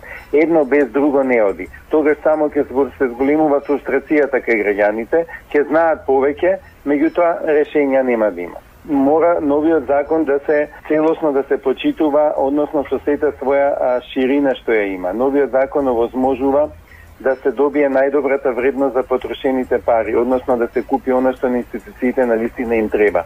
Да, бара повеќе ангажман, повеќе работа, повеќе истражување кај луѓето што работат во набавките, меѓутоа на крај се добива на вистина вистинска вредност за тие пари што ќе се потрошат. Постојано, постојано ја повторуваме потребата од зголемување на обучувањето, на знаењето на луѓето што ги спроведуваат набавките. Знам дека времето е такво сега нели на седење дома, меѓутоа има начини и на онлайн, има и други начини кои што на вистина може ова ова а, едукација да се зголеми. Контролата на бирото да профункционира во вистинска смисла, односно по сите три законски основи што им даваат право за контрола, а тоа се на големите тендери, на случаен избор и на тендери со висок ризик за корупција. Сега за сега се спроведува само на големите тендери, кога бирото би се до екипирало, би можело и по сите три основи да се спроведува оваа контрола. На системско, односно на институционално ниво, секоја од институциите што работат во јавни набавки мора да ги зголеми своите внатрешни капацитети. Сите својата а, а, функција во својата во синџирот антикорупцијски да си ја да си ја остварува и на крај а, во новата петгодишна национална стратегија за борба против корупцијата исто така има одредби антикорупцијски во делот на јавните набавки и таа кој ќе биде освоена од новото собрание кое ќе се а, формира и таа програма исто така треба да а, биде барем на делот на а, превенција од корупција во јавните набавки. Емисија за вашата вистина. Стадион. Двајца слушатели чекаат. Герман Филков заврши. Добар ден, повелете. И ве замолувам да бидете пократки. Еве, имате две минути. Повелете. Добар ден, добар ден. Добар ден. Ало? Да, да, ве е, добро, слушам. јас сум. А, вака сега. Ние веќе радиото од кога постои волја за зајавување висока, голема почит на радио, почит на водители. Сакале некаде емисиите како идат, така идат. Меѓутоа, додека не биде полицијата над политиката, оправија во Македонија нема да има. Затоа што клошари стануваат политичари, клошари учествуваат во тендери, клошари е, стануваат бизнисмени, полицијата молчи, политиката стиснала полицијата, ја стиснала армијата. Многу пат сум кажувал дека ќе останеме и без армија и без полиција, еве веќе на гранка и тоа. Дојдоа овие прилагодлививе што сега владетели владеат со Македонија и оние другите не сакам и за нив да зборам, пошто е, тоа поранешното владело ќе го вика Паја Патак, не знам како го вика. А, пред него оној едно, да не речем, какво дете од Бугарија и тоа владееше. Пред него црвениот и тој владееше. Ја користеа силата на политиката од порано, од поранешна Југославија, од СДС, овај од комунистите. Пред ВМРО пак почеа да, да користат силата на, на партијата и падна и полиција, падна и армија, падна и нација, падна и држава, падна јазик, падна, се падна. Е затоа треба што рече човекот од Битола да се најде јунак. А, па и ова Господ заре да и дава и на неа, што еве вака кажува и настапува, која беше, каква беше Сонја или каква викавте Сашка ли. Сашка, Сашка. И таа гледам дека во неа има нешто човечко, додека решителни луѓе не дојдат и да направат национална стратегија, да се знае кој од што има да се плаши, дали политичар, дали полицаец, дали доктор, дали Доволно е, добар ден. Другата линија. Ало. Ало, добар ден. Добар ден.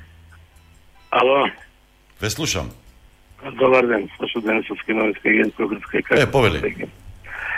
Значи, Добар ли си прво? Дома си Молим? излегуваш? Ало. Велам, добар ли си? Дома си излегуваш?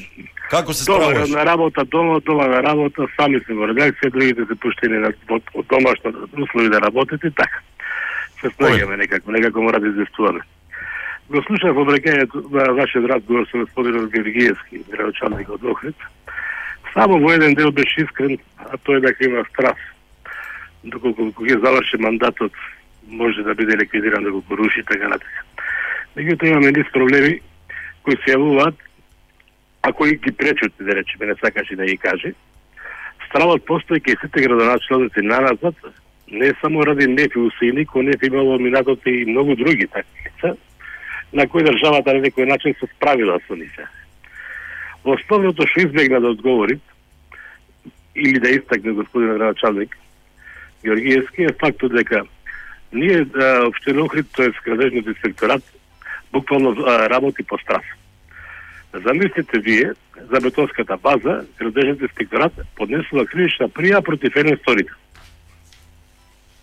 Дека лицето не се за нив е непознато. И тука веќе настанува тој проблем. Стравот на вработените, доколку градочалникот се плаши, што стана за неговите вработени, подредени под него, тие сигурно ќе живеат во поголем страх него градочалникот. Бејќи градочалникот на некој начин има заштита од државата, заради неговата функција како избран и менуван функционер, а од друга страна вработените државните службеници ја немаат таа заштита. Тоа е првиот дел.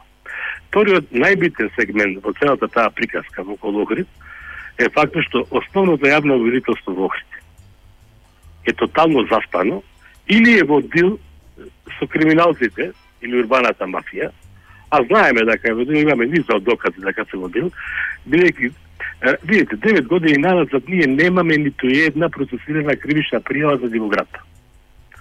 Конкретно против господинот Нефи Усини немаме ниту една процесирана кривична пријава. Доколку тој се дрзнал на седница на совет да стане и да претепа советник, негов колега, тогаш полицијата да не реагира, општината, тоа е советот, а истата председателка на совет што влад, вие контактиравте вашата емисија Живка Ангеловска, како председател на совет е должна да повика полиција да напише пријава во име на советот, да, тоа не го, стори, не го прави, не го одиме по некоја линија на помал отпор, едно е стравот, друго е приказката колку луѓе, колку лица од тие советници воопште Охрид се дебело подмачкани од таа урбана мафија за да донесе детални или локални урбанистички планови. Една хипокризија имаме ние во време на мораториум на градба, каде што е базата на господинот Нефи Усеин. Во продолжение на базата, према болницата за травматологија, Свети Разум Охрид, во моментов се градат нови шест дивоградни. На самата обала на Охридско езеро, значи нови шест Каде инвеститори се одредени лица, али градител господинот Нефи Усеин. И никој тоа не го стопира. Замислете која хипокризија на систем. Проблемот е и во полицијата, бидејќи порадешниот началник на полиција, сега заменик технички како го веќе не знам, истиот тој можете да го видите секојдневно во комуникација со господинот Нефи Усеин, секој ден можете да видите по хритските ресторани кај што се го гоштеваат со крапови, со пастарки во време кога е забране, кога имаме ловости, така натака. И вие сакате да функционира правна држава. И кога говориме за функционирање на правна држава, што е тоа правна држава? Спроведување на закон. Значи, ние не сакаме ниту еден закон да спроведиме. Јас пред да, два месеци испратив барање до Себа Рохи, на кој до ден денеска не ми е одговорено. Имаме ние нова градба на самото шталиште во Охрид во старата чашија, на кое пред а, 15 години та истата да се реновирани или го задевме стариот и камер, ставевме мермерни блочи, каде што еден квадрат мермер е 450 евра поставен. Дали знаете дека целото искаше? И упорно му се дозволува на лицето Рефи Усини со неговите тешки теретни возила да, да гази по таа калдарма и, и ако тука е обележено дека два тона на точка може тука да помине по совина. Меѓутоа, едва никој не го гледа. Знаете кој би беше одговорот еден од полиција по телефон. Обратете се во на тие даваат дозволи, полицијата до сега нема приметено движење. Замислите. А имаме рампа која со а, одлука на јавен обвинител Војслав Димовски од Охрид, од јавното обвинителство, е заклучена и кој вика дека е забрајато движењето. Сашо, нема многу а, време, решенијата кои се? Има различни Решение, слушатели се јавуваат дали да се решение. централизира од Скопје да дојде некој или од странство да дојде не, некој. не. Видите која е пародијата. Сега е тој советник, председател на ДУИ. На листата на ДУИ за, за во време парламентарни избори на трето место. И верните дека ќе влезе во парламентот тој како пратеник. И сега можете да замислите до кој степен одиме. Решението е многу едноставно. Примена на член 244. Низека во светот. Влегуваме во Еврот, бараме да влеземе во Европска унија, сме членка на НАТО. Никаде во светот не, се, не, не, не познаваат легализација на дивоградба. Дивоградба е дивоградба и таа или се руши или се конфискува во корист на државата. Тие се две решенија. Трето решение немаме. Ако сакаме ние да зборуваме за владење на правото, тоа е владење на закон, ништо друго. Меѓутоа треба ќе ви наметнам една варијанта, ето господија колегите таму истражуваат, одирала, не знам што. Ајде да се вратиме на назад советите по општините како функционираат. Нивното потекло на имот, а, имотните листови кои ги приложуваат во антикорупцијска комисија како завршуваат на крај на нивниот мандат. Па знаете ли вие во Охрид колку е донесување на една е, локален промена на локален урбанистички план? Цената 20 до 30 илјади евра по совет. Дали го знаете? Дали знаете дека во Охрид преку одреден медиум се плаќа советник од ромската звездица по 3000 евра да му биде достапен на градоначалникот за во Совет, за да крени два парти. На тој начин го купуваме мнозинството. Е, сега викате кај е тука правната држава. Државата знаете се го регулирате. Имаме законска материја. Знаете кои се најголеми криминалци во Охрид? Па се што влезе началник на полицијата излезе со милиардер стан. бившиот началник на полиција Нохрид вие собственик на, диво, на беше собственик на дивоградба на цела зграда на ке маршал Тито по самата оба. Значи според ова што го слушам, тешко дека ќе се струши нешто. Дубровник. И кажете ми каде. И во право е Константин Георгиевски што се плаши за неговата глас. Знае се по има работа. И оне пак ќе го премолчи. Во јуни месец имаше побарано обезбедување од полиција. За директор беше побарано обезбедување лично од МВР да му испратат. Охри беа присутни девет специјалци припадници МВР. Зашто никој и тој самиот не сакаше да подпише кривичната пријава за некои устини па да го апсет. Бија дојдени за да апсат тие неколку души во градот. Требаше некој само да подпише кривична пријава. Да. Никој од осмели има многу за зборување, времето ни е ограничено. Имаме од антикорупска човек на линија. Е, таа е вистината. Антикорупцијска треба да испита потекло ниве на сите советници во советите. Е, предлог за Горан Трапеновски, член на антикорупска комисија го имаме на линија, го слушна ова и тоа нека биде првото прашање. Пријатно, благодарам за јавањето. Горан Трапеновски, член на антикорупска комисија. Дали се слушаме? Јас ве слушам добро, поздрав до сите слушатели на Канал 77. Е, првото прашање или првиот предлог го слушна од слушателот од денесески. Потекло на имот на сите во Охрид кои што имаат функција. Комисијата е, работи по пријави, да, е, работи по пријави за кои ги поднесуваат до нас а, а, граѓаните за евентуално некој советник, сега конкретно за советниците разговараме за локалната самоуправа и е, ние таа пријава ја проверуваме, односно ја испитуваме ако има основа, прво ја проверуваме имотната состојба што има пријавено во имотниот лист во комисијата, ако нешто а, се открие нестразмерно во неговата имотна состојба, тога се покренува постапка за проверка на имотната состојба. Тука сите грешат, кога ќе кажеме е, е, испитување и проверка. Значи проверка административна проверка која што комисијата ја прави редом. Ние оваа година а, имаме план и по прогр... и програма за правење на имотна проверка и на судиите и на обвинителите, бидејќи во сите извештаи на европските институции беше посо, беа посочени како големи и кочничари и најголем проблем во владењето на правото. Не се заборавени ни советниците, ние по план и програма капацитетите се ограничени, ние ги спроведуваме и проверуваме за секого имотна состојба. Нема никаква селекција. Че дојде на ред и, и, и охридските советници. За сега имаме многу поголеми проблеми. Трпеновски, ова со дивоградбите. Охрид Струга, како член на антикорупска, се во ваши раце.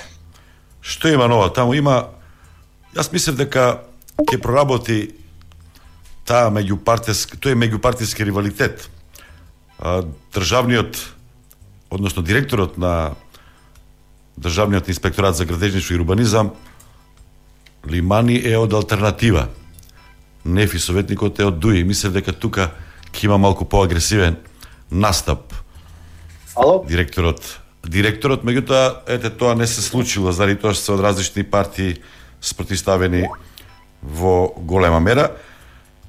Што пишува во последните активности, односно заклучици, што ги има антикорупцијска околу овие дивоградби во Охрид и во Струга.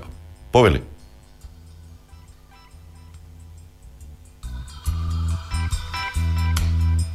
Трпеновски, дали се слушаме?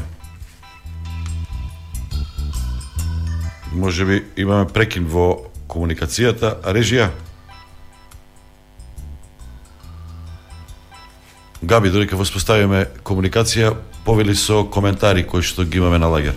Вака столе нашите слушатели да ги повикам пред се да дека може да коментираат на Facebook коса црта канал 77 или на Facebook коса црта МК Медиа Сервис или на нашите профили на Twitter и чатот на mms.mk а дел од нив исподелија своји коментари кои што велат општините се во длабок регулаторен и надзорен ризик од корупција.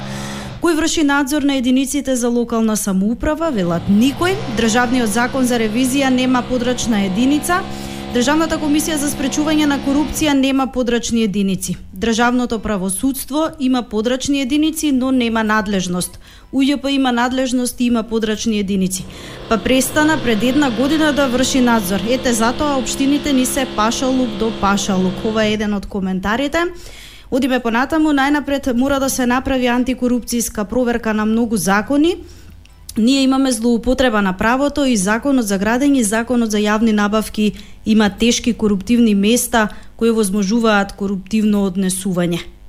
Во законот пак за јавни набавки во делот за правната заштита на постапка за јавни набавки е така напишан што повеќе заштита од коруптивното однесување, најслаба алка е правната заштита на членовите на комисиите за јавни набавки, доколку се спротивстават на коруптивното однесување. Во членот 33 пишува не смее да биде сменет од работното место во рок од една година. Каква е таа заштита? Една година летнува за час, а потоа прашуваат нашите слушатели. Ова се дел од коментарите кои што се поставени на нашите социјални мрежи. Повторно ќе повторам дека може да не контактираат или да постават прашање или да остават свој коментар на Facebook со црта канал 77 или на Facebook со црта МК Медиа Сервис. Нашите профили на Twitter се активни како и чатот на mms.mk. Имаме мали проблеми со интернетот, ќе се обидеме телефонски да го добиеме трпеновски, да го продолжиме, да го завршиме разговорот. Јас имам тука една порака, вели, да беше ВМРО на власт, ке лаеше столе, ке плачеше, нема маски, нема тестови за коронавирус. Е, море столе, и ти си ми бил новинат. Цел свет за корона дебатира, а ти си запнал за корупција. Тале, промашена тема. Режија. Трпеновски, дали се слушаме сега? Ало, се слушаме? Е, да, се слушаме сега. Повелете, предметите се во ваши раце, тоа случајно или намерно, вие сте по потекло од струга и охрити струга ви се дадени.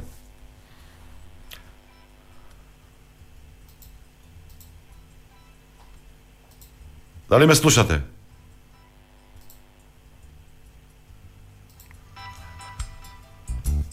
Режи, имаме проблем со комуникацијата. Дајте, обидете се телефонски.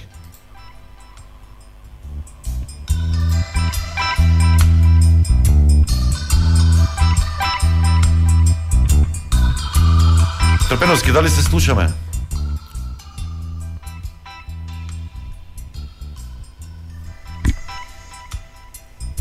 Повелете.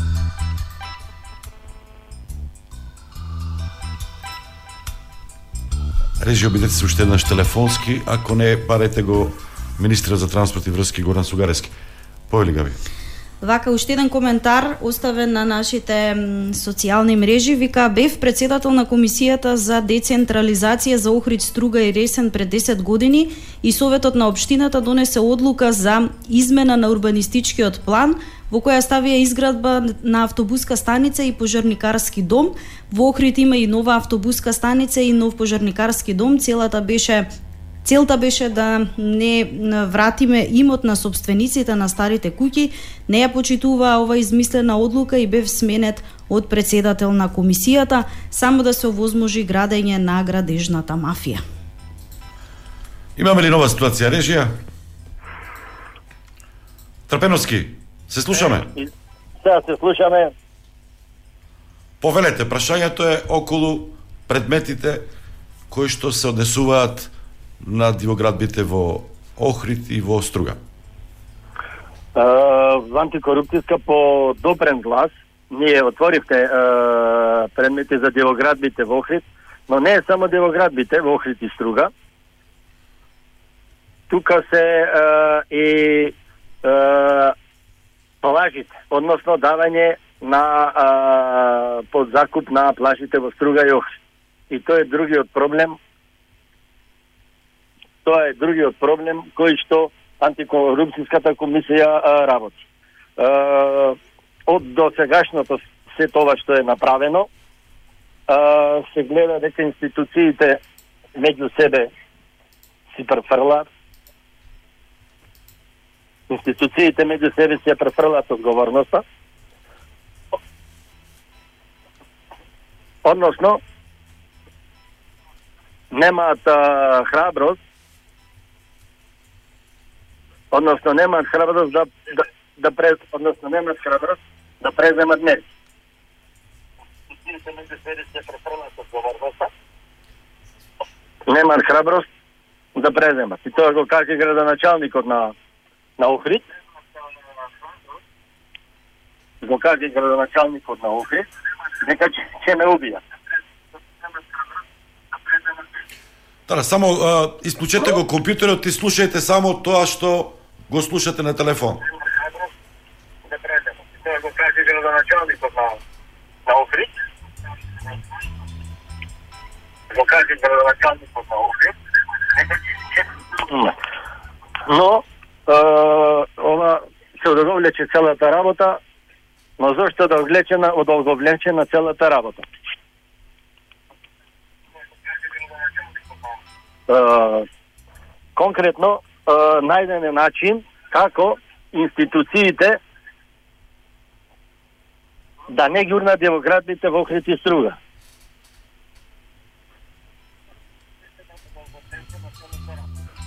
најдоа начин. Како? А, владата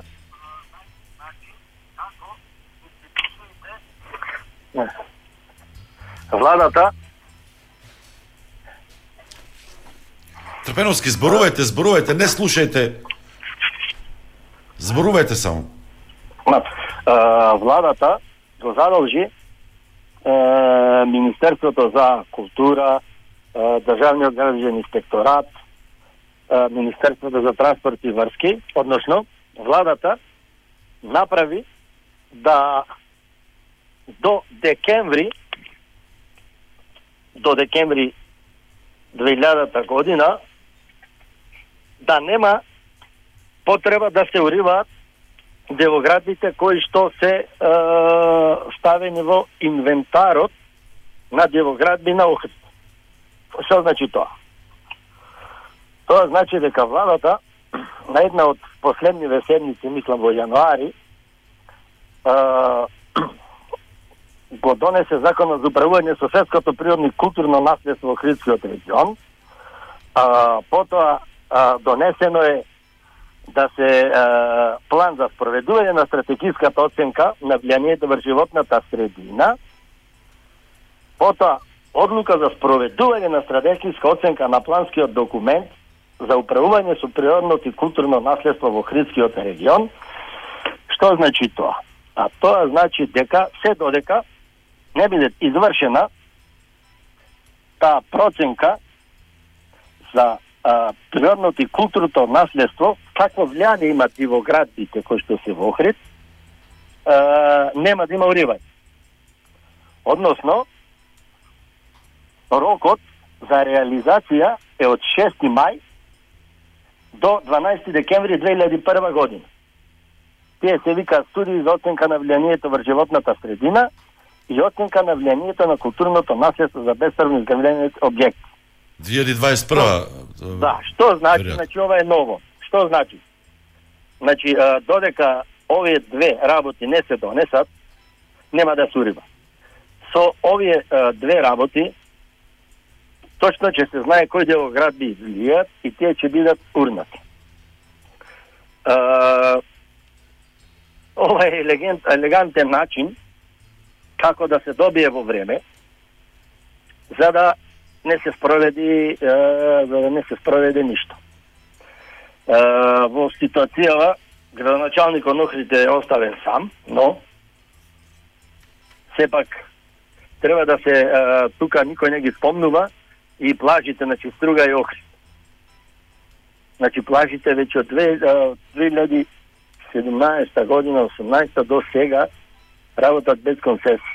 Значи, узурпиране дел од крайбрежието и не плаќаат за тоа на државава е, Кирија.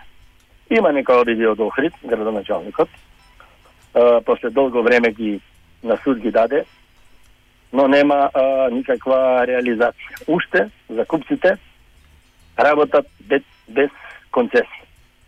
Е, деликатен проблем, тука се два-три предмети споени, плажите, значи дивоградбите, а, за плажите, пред крај е предметот, ево и ова, ова јавно користам, да ги повикам, градоначалникот на Охрид, сакам, градоначалникот на Струга, Државниот граделен инспекторат и Министерството за транспорт и врски да дојдат, кој ќе заврши целата ова работа со короната, да дојдат на разговор во антикорупцијска комисија, за секој да си каже од свој агол што е проблемот што не можат да ги решат делоградбите и е, зошто плажите работат без концесии кој е надлежност. Значи од сите дописи кои што ги имаме добиено, сите се прогласени за ненадлежни. Пазарната инспекција е ненадлежна. Ненадлежен е градежниот државен инспекторат. И што е интересно, е, на, пос- на на влада, тоа што се одржа во Охрид, го има задолжено владата, Државниот граден инспекторат, да направи извештај за работата на обштинските овластени инспектори, како тие а, работат и каква е состојбата со објектите од прва категорија во Струга и Охрид. Тој извештај го има доставено до владата, но според моја информација владата му ги има одбиено тој извештај и го има задолжено нов извештај да да направи.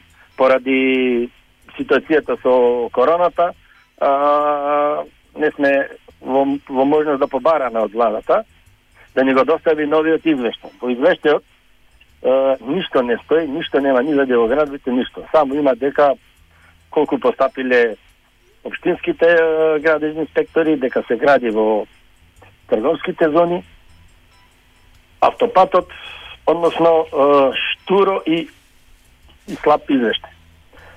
Се надевам а, дека по завршување на, на целата ова работа со коронава и по разговорот кој што ќе биде обавен со носителите главни за урбанизмот во Струга и Охрид, а, преметот посебно за плачите а, може да да го да, да се затвори. Јас во мојата глава, ова го зборам од мој лични, мене не е од комисијата, имам кој е кривето за посебно за плажите, односно давање под закуп на на плажите во Струга и Охрид, кој е надлежноста и кој е крив, но сепак тоа ќе оставиме да за понатака, да разгледа комисијата, да ги сублимираме сите податоци и да донесиме е, и да донесиме одлука. Од целата ова работа е, јасно е дека владата и државата нема политичка волја, нема храброст да се справи со делоградбите. та не забораваме, мислам 2003 тамо имаше а, историвање во Охрид и доста делоградби беа струшени. Значи државата ако сака може. Но ово да го искористам и како апел и до закупците до плажите, посебно објектите тие се велелепни објекти Но, Струга и Охрид, да најдам некој договор со државата, со локалната самуправа до декември, бидејќи добиене датумот, влезено е во НАТО, точно стојат што треба да направи државата во тој случај. Односно, мора да го реши прашањето на Дивоград. Тоа го каже и амбасадорот на Франција Тимоние. Значи, ако се сака, може да се е, реши. Тука е антикорупцијска комисија и да помогне. И ево уште еден апел, имаат време да најдат начин да го решат проблемот со дивоградбите. Трпеновски, член на антикорупција комисија Горан Трпеновски, благодарам. Благодарам Ако имате нешто да додадете, ова, за корупцијата, да не забораваме на корупцијата, додека трае ова неволја со коронавирусот. Тоа е апелот исто. Е, е, не, ние си работиме на случаевите, во, те, во тек сме, будни сме, иако не, инако редуцирање одење да на работа, но ние сме будни и ние следиме целата работа, посебно овој дел од предметите тие ќе бидат а, завршени и останува после на другите институции, на судот и обвинителството.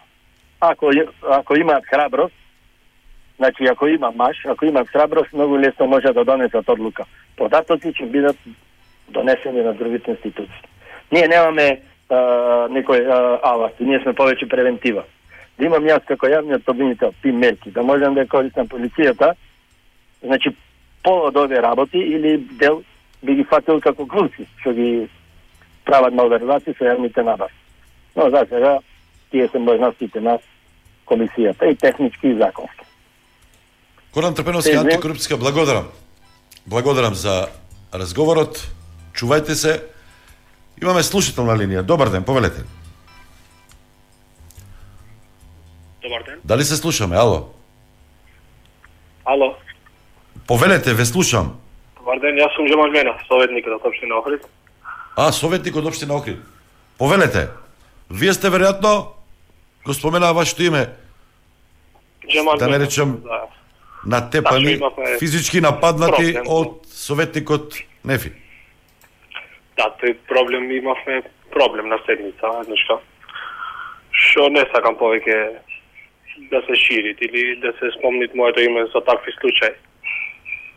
Најповеќе што се врзав со вас беше случајот со дивоградбите. Значи во Охрид дивоградбите не се само овие години.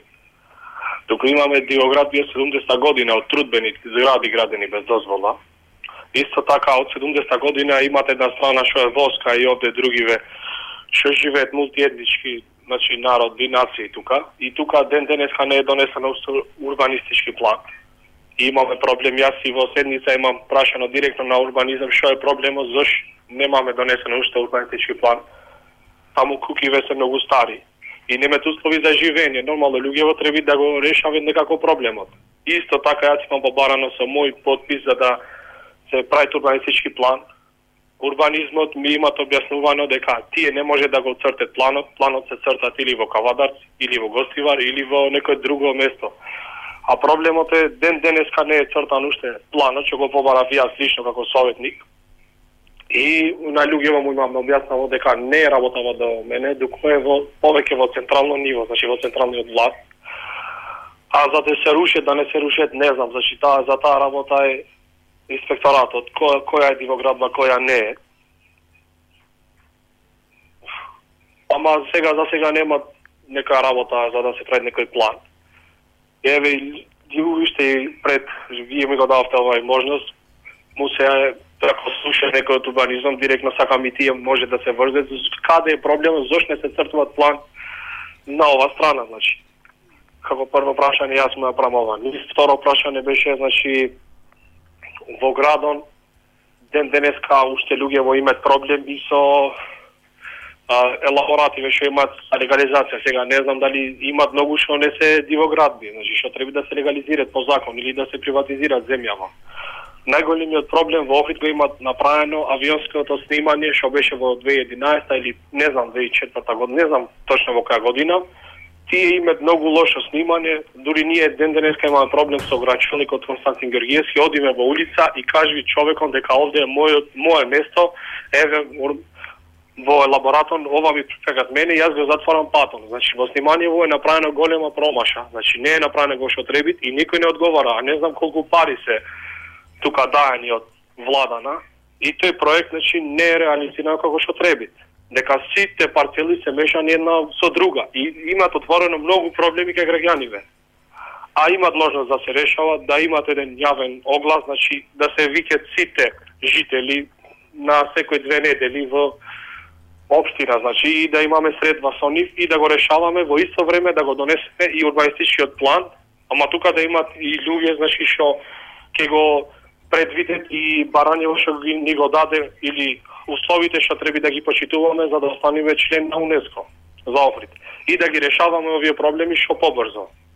А за рушење или за други работи треба да се занимават инспекторатот или не знам не сум правен правник за таа работа.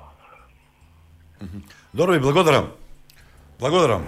Мена советник во општина Охрид. Имаме реклами, па после тоа завршуваме со министерот за транспорт и врски Горан Сугаревски. Забележа пречки, прекини и промени во квалитетот на сигналот на радиомрежа Канал 77. Извести на Вибер на 072 607 777 или на Facebook профилот на Радио Канал 77 за да најдеме решение. Бидејќи ништо не треба да ти пречи во дружбата со твоето милено радио. 40 години одличен вкус.